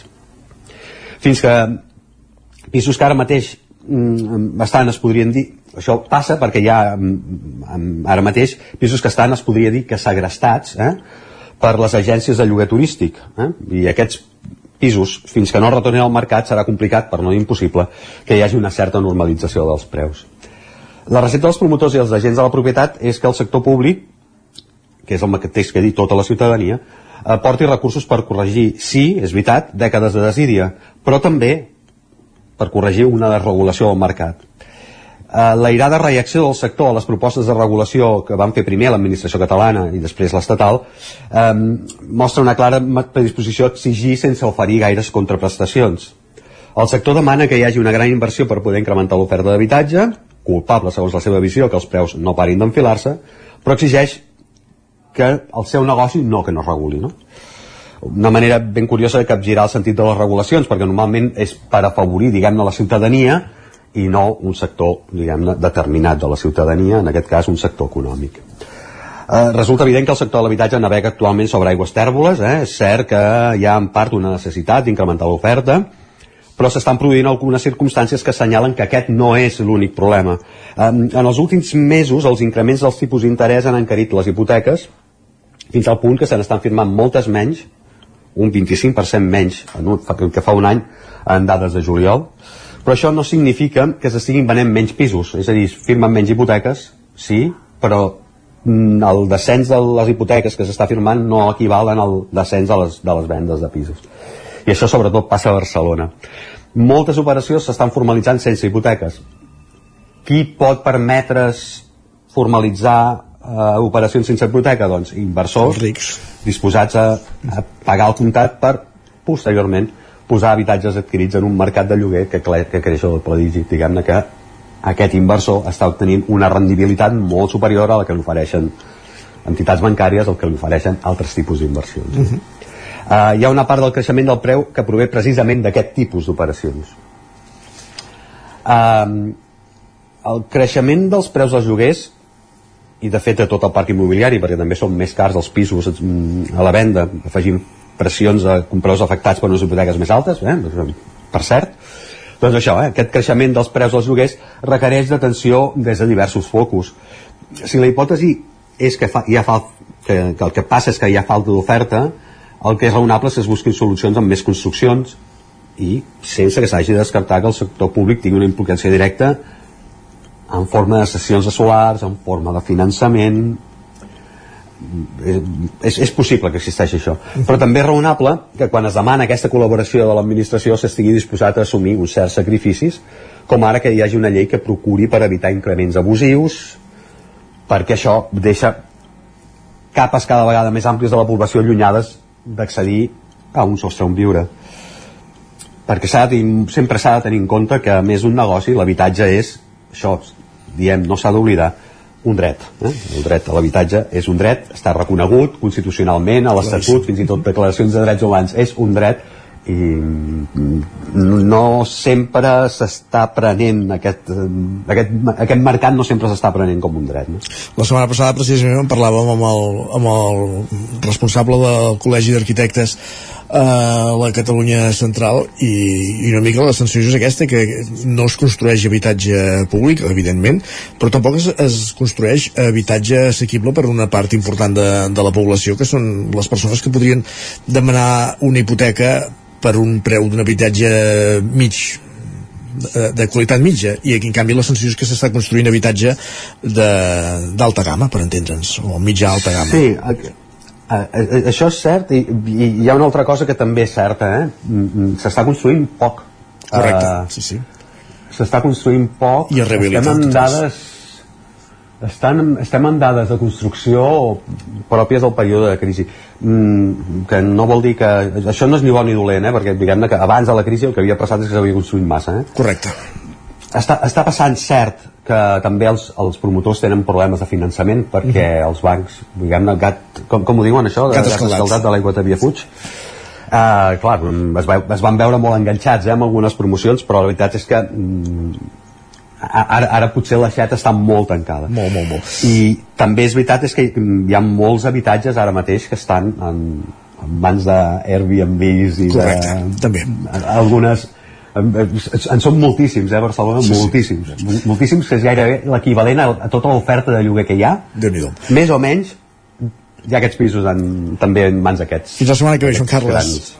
Gràcies. Moltíssimes gràcies, bon dia. El nou FM, la ràdio de casa, al 92.8. La qualitat de les teves impressions és important per tu? Estàs cansat que els colors i les imatges no surtin com t'esperes? A Impremta Mater disposem de la tecnologia més avançada i els millors professionals per aconseguir impressions d'alta qualitat. Fem tota classe d'impresos amb acabats professionals. Llibres, catàlegs, revistes, tesis, calendaris, enquadernacions... I a més, disposem del servei d'impressió digital en gran format. Roll-ups, lones, pòsters i molt més. Impremta Mater. Ens trobaràs a la carretera de Sant Hipòlit 23 de Vic o impremtamater.com. Nova convocatòria de 850 places a Mossos d'Esquadra, amb la reserva del 40% per a dones. Ara pots formar part de la Policia Integral de Catalunya. Som compromís, vocació de servei i proximitat. Ens faltes tu. Més informació a mossos.gencat.cat barra convocatòria Mossos. Presentació de sol·licituds fins a l'11 d'octubre. Generalitat de Catalunya. Sempre endavant. Palat i Pelut ens presenta Fem la Morsa.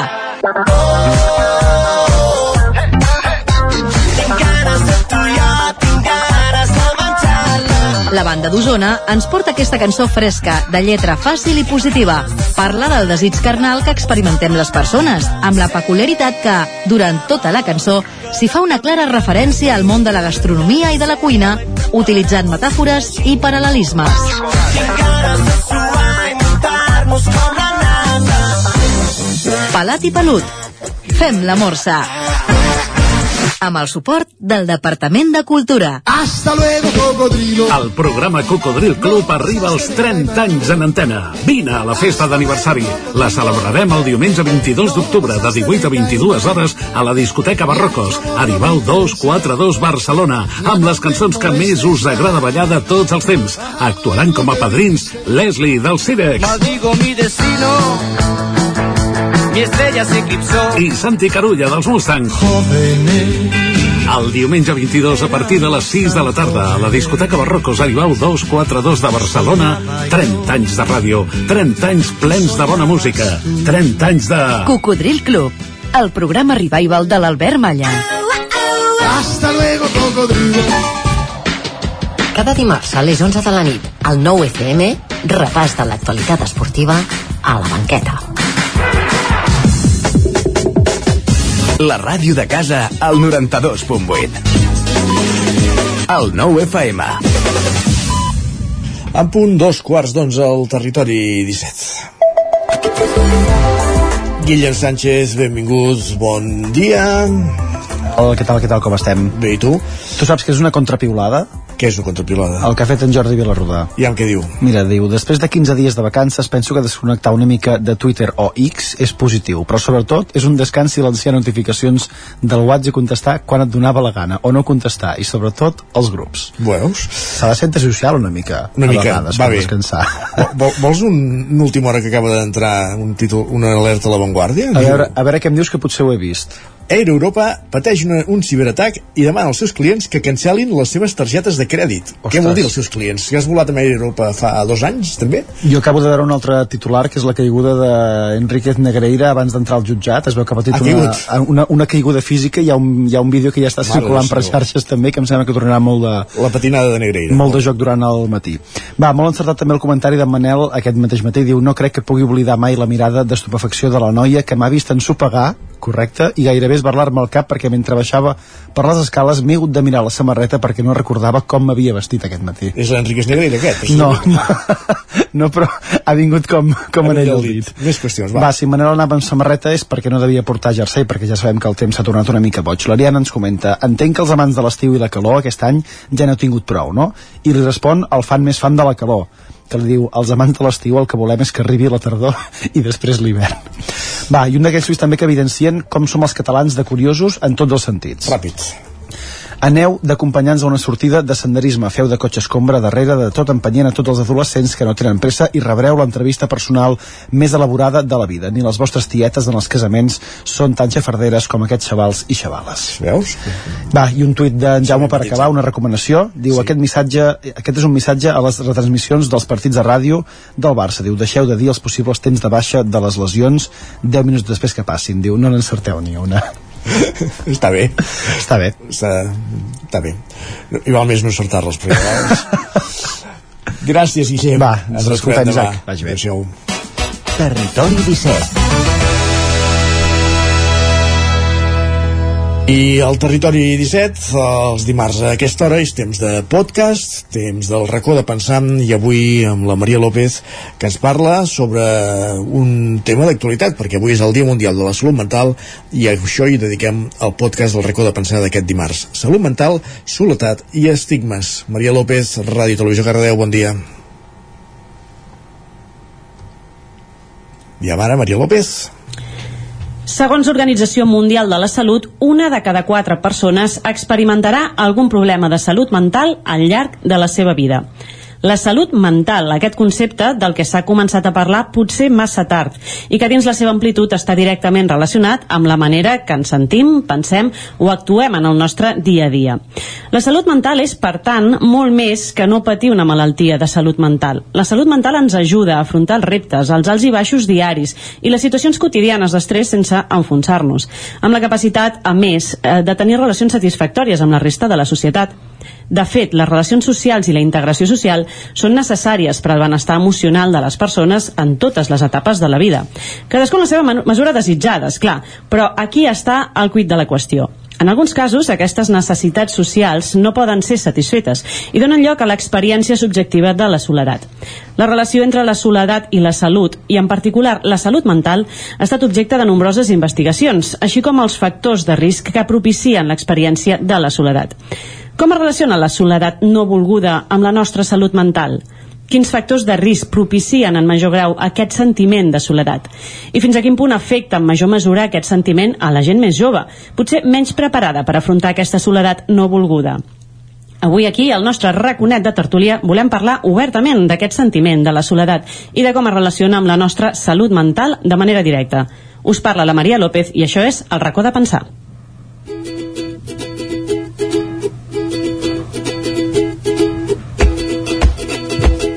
El racó de pensar, des de Ràdio Cardedeu. I per parlar de soledat, de com la gestionem i de com ens afecta, avui ens acompanya en Miquel Miranda. Ell és psicòleg i psicoterapeuta. Treballa en l'àmbit de la salut mental comunitària, dinamitzant grups i fent formacions de suport mutu i empoderament.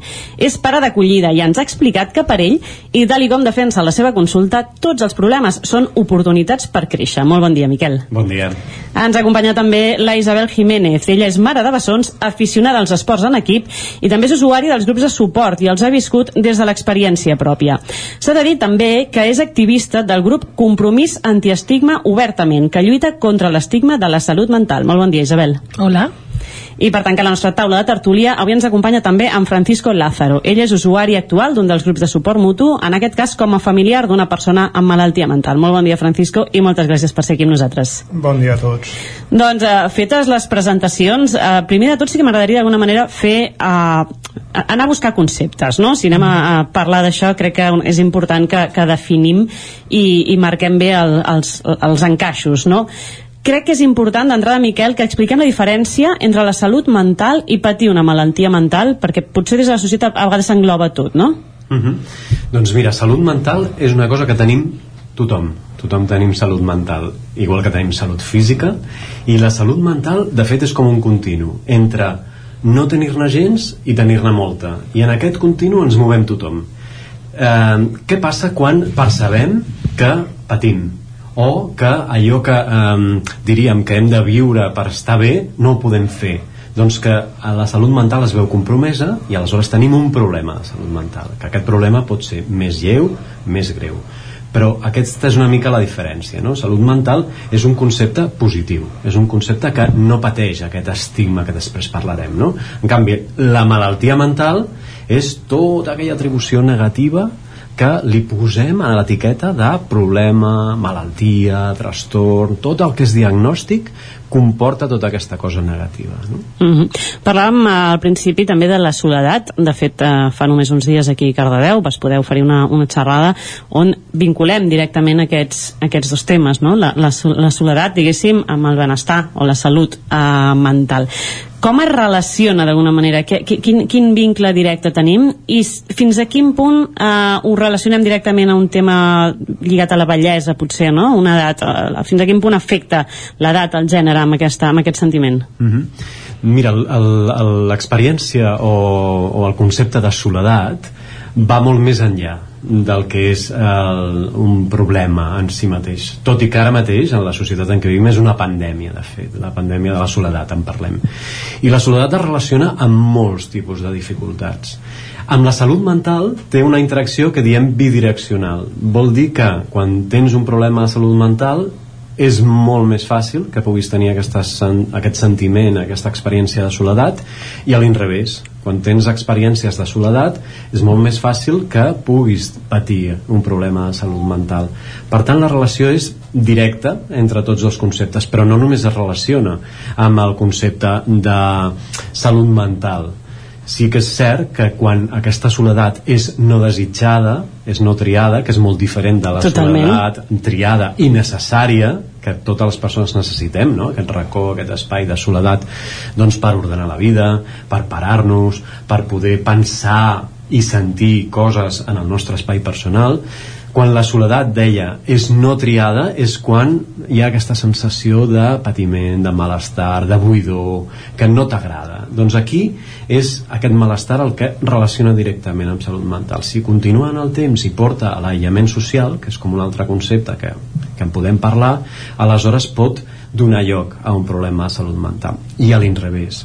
Problemes de, per exemple, de depressió, problemes de eh, desconnexió dels altres perquè hi ha falta de relacions socials o de fins i tot habilitats eh, socials i personals poden portar a un aïllament social i a una soledat no desitjada i del, de l'altra cosa que comentaves Maria Sí, el- sobre el la gent vincle de gran, l'edat, no? D'alguna manera. l'edat evidentment és un factor no? que, que, que fa que aquesta experiència subjectiva de la soledat es visqui d'una manera o d'una altra o que es cronifiqui o no cronifiqui vol dir que duri molt en el temps no? o que sigui més temporal. Està, mm, està com molt relacionat a nivell d'estereotip que la, que la gent gran és, la, és el col·lectiu de persones que, que estan més soles. I segurament això és cert. Estan més soles. Però poder no se senten més soles no? que són dues coses, estar i sentir-se. De fet enquestes del 2020 no? que això ho parlava l'altre dia a la, xerrada que vam fer a l'Ajuntament de Cardedeu sobre aquest tema ens diuen, l'enquesta Omnibus de la Generalitat de Catalunya del 2020 ens diu que el col·lectiu de joves entre 16 i 25 anys són el col·lectiu de, de la franja d'edat que té més experiència subjectiva de sentir-se sola i En, això... en l'era de les xarxes socials que se suposa que estan més, eh, o estem més connectats que mai, no? Resta? Clar, i aquí ens, ens sortiria una bona pregunta de debat, no? que és estar més connectat o connectada vol dir estar més o menys sola i la resposta segurament és no. Mhm. Francisco endavant, que sé que és... No, eh, era sobre el tema de les xarxes i els joves. Perdó. Era sobre el tema de la xarxa i els joves. Que no vol dir que tenir Facebook, Twitter, TikTok estiguis més connectat, sinó que jo, jo crec que el que fa és que et desconnectes de, de la societat i de la realitat perquè t'estàs creant tu un, un món alternatiu no pas estàs interactuant amb els teus companys de, de classe o amb els teus companys de, de joc i d'esbarjo. Pot ser d'alguna manera també que, no sé si ho veieu igual, eh, que la... sí que potser focalitzem més o ens anem fent a la idea de que potser en la bellesa aquest moment de soledat és més probable que es doni. En canvi, l'adolescent no està preparat eh, mentalment o no té eines per resoldre aquesta soledat, així com una persona doncs, a certa edat ja ha desenvolupat moltes eines personals per diferents circumstàncies de la vida, segurament, no? Mhm. De fet, a l'adolescència passa una cosa eh, que no passa a la bellesa i a la bellesa passa una cosa que no passa a l'adolescència i que explica una mica la diferència d'experiència de soledat no? uh, amb la gent gran el que els hi passa és que viuen uh, crisis d'identitat perquè ja la societat diu que aquest, aquest col·lectiu ja no és productiu, ja no és útil i per tant, qui sóc per la societat, no? Això és una crisi que t'aïlla. Però a més a més hi ha una crisi també de pertinença no? Eh, quan ets gran doncs vas perdent relacions, vas perdent espais de relació, vas perdent molta xarxa que et va mantenint. En canvi en l'adolescència el, que, el que passa realment és que eh, hi ha molta necessitat de vincle i de relació. I no sempre es dona perquè, com deia el Francisco aquesta manera de relacionar-nos a través de WhatsApp, de les xarxes socials no produeix un vincle fort no produeix unes relacions que diem significatives. I això és el que porta l'adolescència a la soledat. Per tant són com dos causes molt diferents de la mateixa experiència. Isabel. Jo volia comentar això, que el tema de les xarxes el que et donen és la recompensa immediata de tenir 100, 200, 300 likes en una foto i sentir-te en aquell moment arropat per la resta dels teus amics que potser no ho, són, no ho són, són coneguts o són gent que no, que no veus més que una vegada a l'any i per una altra banda el que deia el Miquel del tema de, de la soledat, de, el tema de l'edat, de que tens una crisi d'identitat perquè ja no et sents productiu perquè la societat et diu que no ho ets, tant ho pateixes per l'edat com ho pateixes quan tens un trastorn mental i deixes de treballar. Uh -huh. En el meu cas m'ha costat molts anys mm, ser una persona molt productiva a ulls de la societat, a la resposta de, de què treballes no saber què contestar, no saber què dir, no voler reconèixer perquè era com que era em podrien menysprear si jo deia que ja no treballava i no tenia encara ni els 45 anys. I llavors mm, ell també ha dit que a vegades els problemes donen pas a si tu, tu curres i tu treballes sobre ells a noves oportunitats i és veritat perquè en aquest impàs de temps de no saber què fer no perquè jo no necessités algú que també necessitava, sinó sobretot per justificar la meva pròpia existència, perquè jo estava a la societat, si no era mare en aquell moment, ara som mare de, de bessons a 8 anys, mm, no feia res perquè no treballava, estava cobrant, i jo perquè cobrava, si no m'ho havia guanyat amb el suor de la meva front, del meu front. Llavors, el fet de poder reconvertir la meva vida i entrar en el món del voluntariat, de fer-me activista antiestigma, de salut mental, d'obertament en el moment més dur de la meva vida, que va ser després d'un intent, dos intents autolítics, i quan ja em trobava una mica millor, d'entrar en un altre voluntariat, d'estudiar ara el tema de gent de suport de persones, que és una mica ajudar els pacients entre la relació del metge, infermers, terapeutes i el propi pacient, tot això em dona una volta i d'alguna manera també em dona eines perquè en una conversa jo ja no passi tan malament amb una pregunta tan normal com era de què treballes que venia que anys anteriors ja m'havia de, de saltar quan em deien no estàs casada o no tens parella? Que això també m'ho vaig saltar, és que jo m'he saltat moltes coses. Llavors ser de les poques que no estava casada, que no tenia una família pròpia i després tenir aquest trastorn que va provocar el no tenir la feina i no ser productiva entre cometes doncs tot això tu has de treballar tu i veure que d'una cosa tan negativa com podia haver sigut perdre la vida t'has muntat una vida paral·lela que no és la que tu vas somiar quan estaves a la carrera i treies cada any el curs que tocava però com que és el que t'ha vingut més val que quan et trobes bé quan superes aquest tema doncs a donar la volta i, i, i, i, i això i, i muntar-te una altra vida diferent de la que tu havies somiat. Uh -huh. Miquel? Sí, d'això que dius Isabel hi ha una de les crisis també que es dona sempre que hi ha situacions de vulnerabilitat. Parlàvem de la gent gran. Si la gent gran eh, si aquella persona està vivint una situació de vulnerabilitat està tenint una crisi també d'autonomia que això és el que marca una mica no? la vulnerabilitat, l'autonomia la dependència o l'empoderament o les capacitats que tu sentis que tens no? a la teva vida, aleshores això es pot donar en moltes situacions, com tu deies no és només una experiència de la gent gran sinó també doncs, per tenir un problema de salut mental o altres tipus d'experiències, com totes les crisis vitals, no? que els diem aquests canvis que tenim la, en etapes vitals, com per exemple doncs, la jubilació, un dol, l'atur, perdre la feina, les persones migrades, no? aquesta experiència de desarrelament, totes aquestes situacions comporten aquesta experiència de vulnerabilitat que si tu mm, et vas quedant amb aquest autoestigma, que tu pots, pots parlar mi, millor d'aquest tema, Isabel, de l'autoestigma, si et vas quedant tancat, tancada, evidentment pot, és, pot ser més fàcil que acabis amb dependència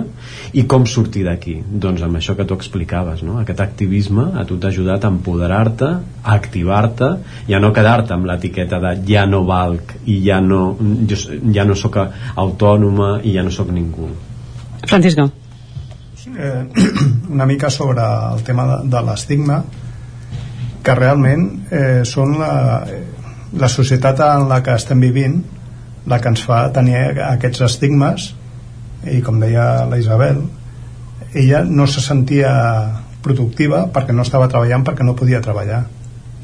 Però la, la societat t'està jutjant perquè tu no treballes però estàs guanyant eh, t'estan donant una paga.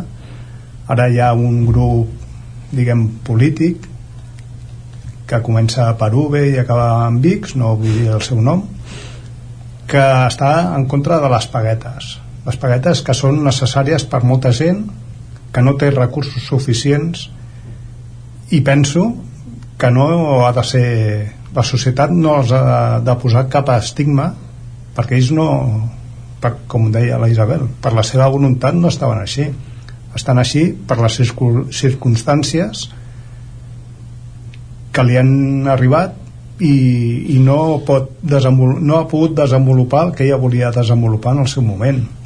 Parlem d'estigma i de fet la, la Isabel un dels, dels conceptes que feia servir era el més saltat moltes coses i això a mi em fa pensar, no sé si esteu d'acord que un dels problemes de base és tot el que pensem que ha de ser, no? Si pensem que primer va això, després va això, no? La carrera, trobo una parella, em caso, tinc fills, i, i sembla que si, si no segueixes, o sigui, el, el problema és la projecció que et fas del que ha de ser la teva vida i en el moment en què no, caixa, no, no, no, no es va complint això, no? el, el com eh, et sents que no mereixes segons quines coses i com entres d'alguna manera en aquesta roda que el Miquel deia de la que és tan, tan difícil sortir no? eh, precisament el que et genera aquest estigma o aquest malestar amb els altres és, és això i, i tu una de les coses que fas amb el grup és lluitar contra aquesta visió exterior no, de la societat. Clar, sí, sí, o sigui, el primer que t'has de, que t'has de fer a la idea és que l'autoestima està, està dintre teu i, i que tu l'has mamat des de petita perquè tu has escoltat les converses que has dit doncs no faràs res bo si no fas això, si no tens una feina si no tens una vida ordenada llavors si tu allò ho has estat sentint des de que tens ús de, ra de raó fins que t'ha t'ha passat això i tu has caigut malalta que no és una decisió que ningú pren sinó és com un accident. És que és, no és una cosa que tu hagis decidit. Si tu allà ho tens marcat en el teu cervell durant un temps si tu no tens la possibilitat d'anar amb un grup si tu no ets una persona activa que diu mm, jo tinc claríssim que si la meva vida fos quedar-me a casa i no fer res jo ara no estaria aquí a la, aquesta conversa. Cadascú sap quines eines té com a perquè nosaltres, a part de, ser, de tenir un trastorn mental, de ser malalts, som persones i tenim una personalitat definida i el que a mi em va bé, no sé si el Miquel estarà d'acord, potser no li va bé a la meva companya Totalment. que té un trastorn bipolar tipus 2 com jo Clar. llavors dintre de lo que és la riquesa de grup ajuntar tant gent que pateix el, mate mateix que tu és tenir una conversa sana, sempre sana, de les coses que et succeeixen i que potser que li va bé a una persona, tu sí que et va bé però el company que té la dreta diu, pues jo ho he provat i em va fatal. I, aquell, i allò és molt enriquidor. Llavors jo sé que per mi necessito activitat. El dia que jo no tingui activitat jo no sóc persona, per això sóc una persona més canyera, he sigut mare soltera m'he saltat molts, molts passos. M'ha agradat sempre anar en contracorrent però perquè allò em donava vida. Durant el temps que jo aquella vida la vaig perdre entre cometes perquè no era jo. Era dues potes prenent pastilles i no sabia on estava ni, ni, ni què feia vaig deixar de ser la Isabel i de tenir aquesta personalitat però quedi clar això, que són malalts, són persones l'estigma, una vegada tu has reconegut eh, el que hi ha dintre teu que et fa mal la, la, i, i una mica ho has treballat tu sents la ràdio, tu sents la tele tu escoltes a la gent al carrer construint frases amb subjecte, verb i predicat que és una frase que va totalment en contra teva. Tu sentir unes um, notícies a la tele i posar èmfasis que en aquella persona eh, va tenir un trastorn psicòtic o que era esquizofrènic a mi, a veure mm, el, el voluntariat que es fa obertament eh, una part d'ell és mm, formar els periodistes perquè el llenguatge és la base perquè el que tu escoltes i veus és el que et creus. Llavors és molt complicat explicar és, és molt important explicar una notícia d'una forma neutra el que és i no posar èmfasis o etiquetes a coses que no haurien de tenir perquè fa mal a altres persones i no, i no fa res jo escoltava des de que vaig caure malalta el tema de que no es podia parlar del suïcidi i jo pensava, i per què no es pot parlar del suïcidi? Sí, potser, potser precisament faria falta parlar-ne de manera més oberta, no? que no hi ha un efecte llamada, que no passa res, és a dir, si les coses s'han de parlar com són i la persona de la teva família també t'ho agraeix perquè hi ha d'haver, Francisco, una bona comunicació la persona que està malalta, en la mesura que pugui en funció de com està, ha d'expressar el que sent. I la persona que està al seu costat l'ha d'escoltar i l'ha d'entendre. I si no l'entén l'ha de preguntar fins que acabi entenent realment què li passa a aquella persona. Que és difícil segons la fase que estàs doncs com a la fase de la vida no és el mateix preguntar a un adolescent que si li pregunta a la seva mare ja té aquí un xip que no l'escolta i és així perquè no l'escolta que potser si li pregunta a la veïna li explicarà el mateix però amb 20 paraules i a la seva mare un sí o un no doncs nosaltres el mateix mm. hi ha vegades que no podem parlar perquè la nostra situació no estem preparats o no ens trobem bé però en el moment que veiem que agafen carretilla doncs l'altre que, que comença a preguntar Francisco, en el, en el teu cas vas també a, a un dels grups d'alguna manera com a familiar de persona amb malaltia mental. Jo en aquest cas volia preguntar com, com arribes tu a aquests grups i que, que, que, en què t'ajuden o, o d'alguna manera els, entenc que aquest compartir, no? Però com, sí. com t'ajuden a tu personalment? Bueno, jo vaig, eh, vaig arribar en aquests grups eh, quan anava a la consulta acompanyant a la meva dona doncs veia, jo buscava algun, alguna mena de suport per jo poder encarar la, la malaltia de la meva dona saber com tractar-la com la podia jo ajudar a que ella estigués millor. Parlant amb la treballadora social del CESMA el CESMA és el Centre de Salut Mental per Adults que hi ha a Granollers em va dir que existia Daruma. Vaig posar en contacte amb Daruma i organitzen grups de suport familiar que van familiars de, de tota mena i de, de diverses malalties. Uns són pares, altres són fills altres són germans i altres som marits en aquest cas com jo. Uh -huh. i m'ajuda perquè jo puc parlar obertament del meu cas sabent que els companys que hi són allà m'escolten i fins i tot em poden mm, donar pautes per ajudar el meu, el meu familiar. També tinc la sort de que aquest grup eh, està dirigit per Miquel i la veritat no li he dit mai ni li dic ara eh, ens ajuda molt sí que m'ho has dit això sí. bueno. però no és dirigit, perdona és, és, Bueno, jo no eh, dirigeixo el grup és moderat, dinàmic Anem a acompanyar. ah, exacte, acompanyar eh, ens acompanya molt bé i mm, per mi és una experiència molt positiva perquè m'a- m'ajuda a poder parlar del, del meu cas Uh -huh. amb persones que sé que m'escolten perquè moltes vegades per, pel carrer no et pares a parlar amb ningú perquè saps que no te, ni t'escoltarà ni, et, ni et comprendrà el que tu estàs patint Aquí, aquí està un dels grans temes, no? que potser a vegades gent disposada a escoltar pots trobar, però que puguin comprendre, posar-te a, la a la seva pell, és més complicat. Eh, Miquel, deixa'm que et faci l'última pregunta, tot i que ens arriba la música de fons, però sí que, que volia tancar d'alguna manera aquest, aquest cercle preguntant-te fins a quin punt eh, aquests familiars que també acompanyeu eh, aquesta tasca o aquesta responsabilitat que tenen amb un familiar directe que pateix una malaltia mental pot afectar també de manera el seu, el seu benestar i la seva pròpia salut mental? Doncs directament, perquè l'experiència del patiment d'una persona que tens tan a prop com a familiar que t'estimes eh, i la dificultat, com deia el Francisco i com deia la Isabel també, no? de, de poder viure eh, una, una comprensió per part de la societat, de sentir que tu tens un projecte de vida, queda molt, molt, molt barrat no? aquest pas i això fa que hi hagi molta frustració, molt patiment i cuidar o cuidar-te es fa molt difícil. Aleshores, és molt important en els grups, ja siguin de familiars, ja siguin de primera persona, diverses coses que es donen, no? Aquesta comprensió mútua,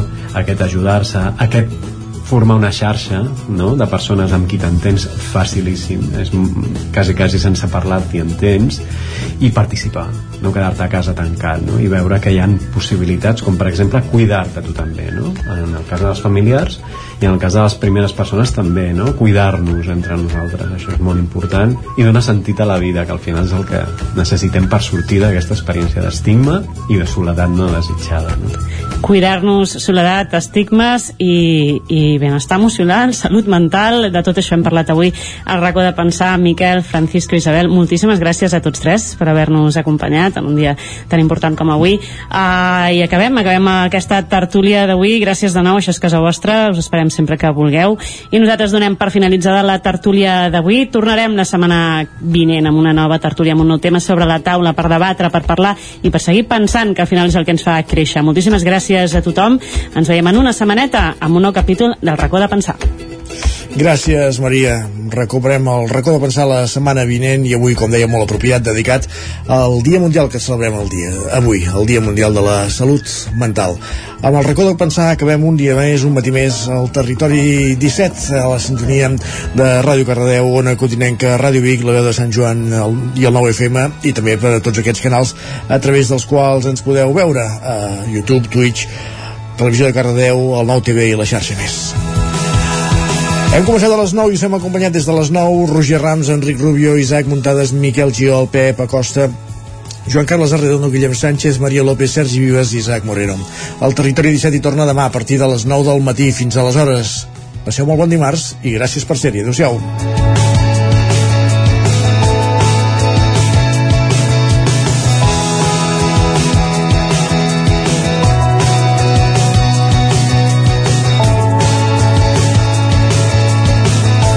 Territori 17, un magazín del nou FM, Ona Codinenca, Ràdio Cardedeu, Ràdio Vic i La Veu de Sant Joan, amb el suport de la xarxa.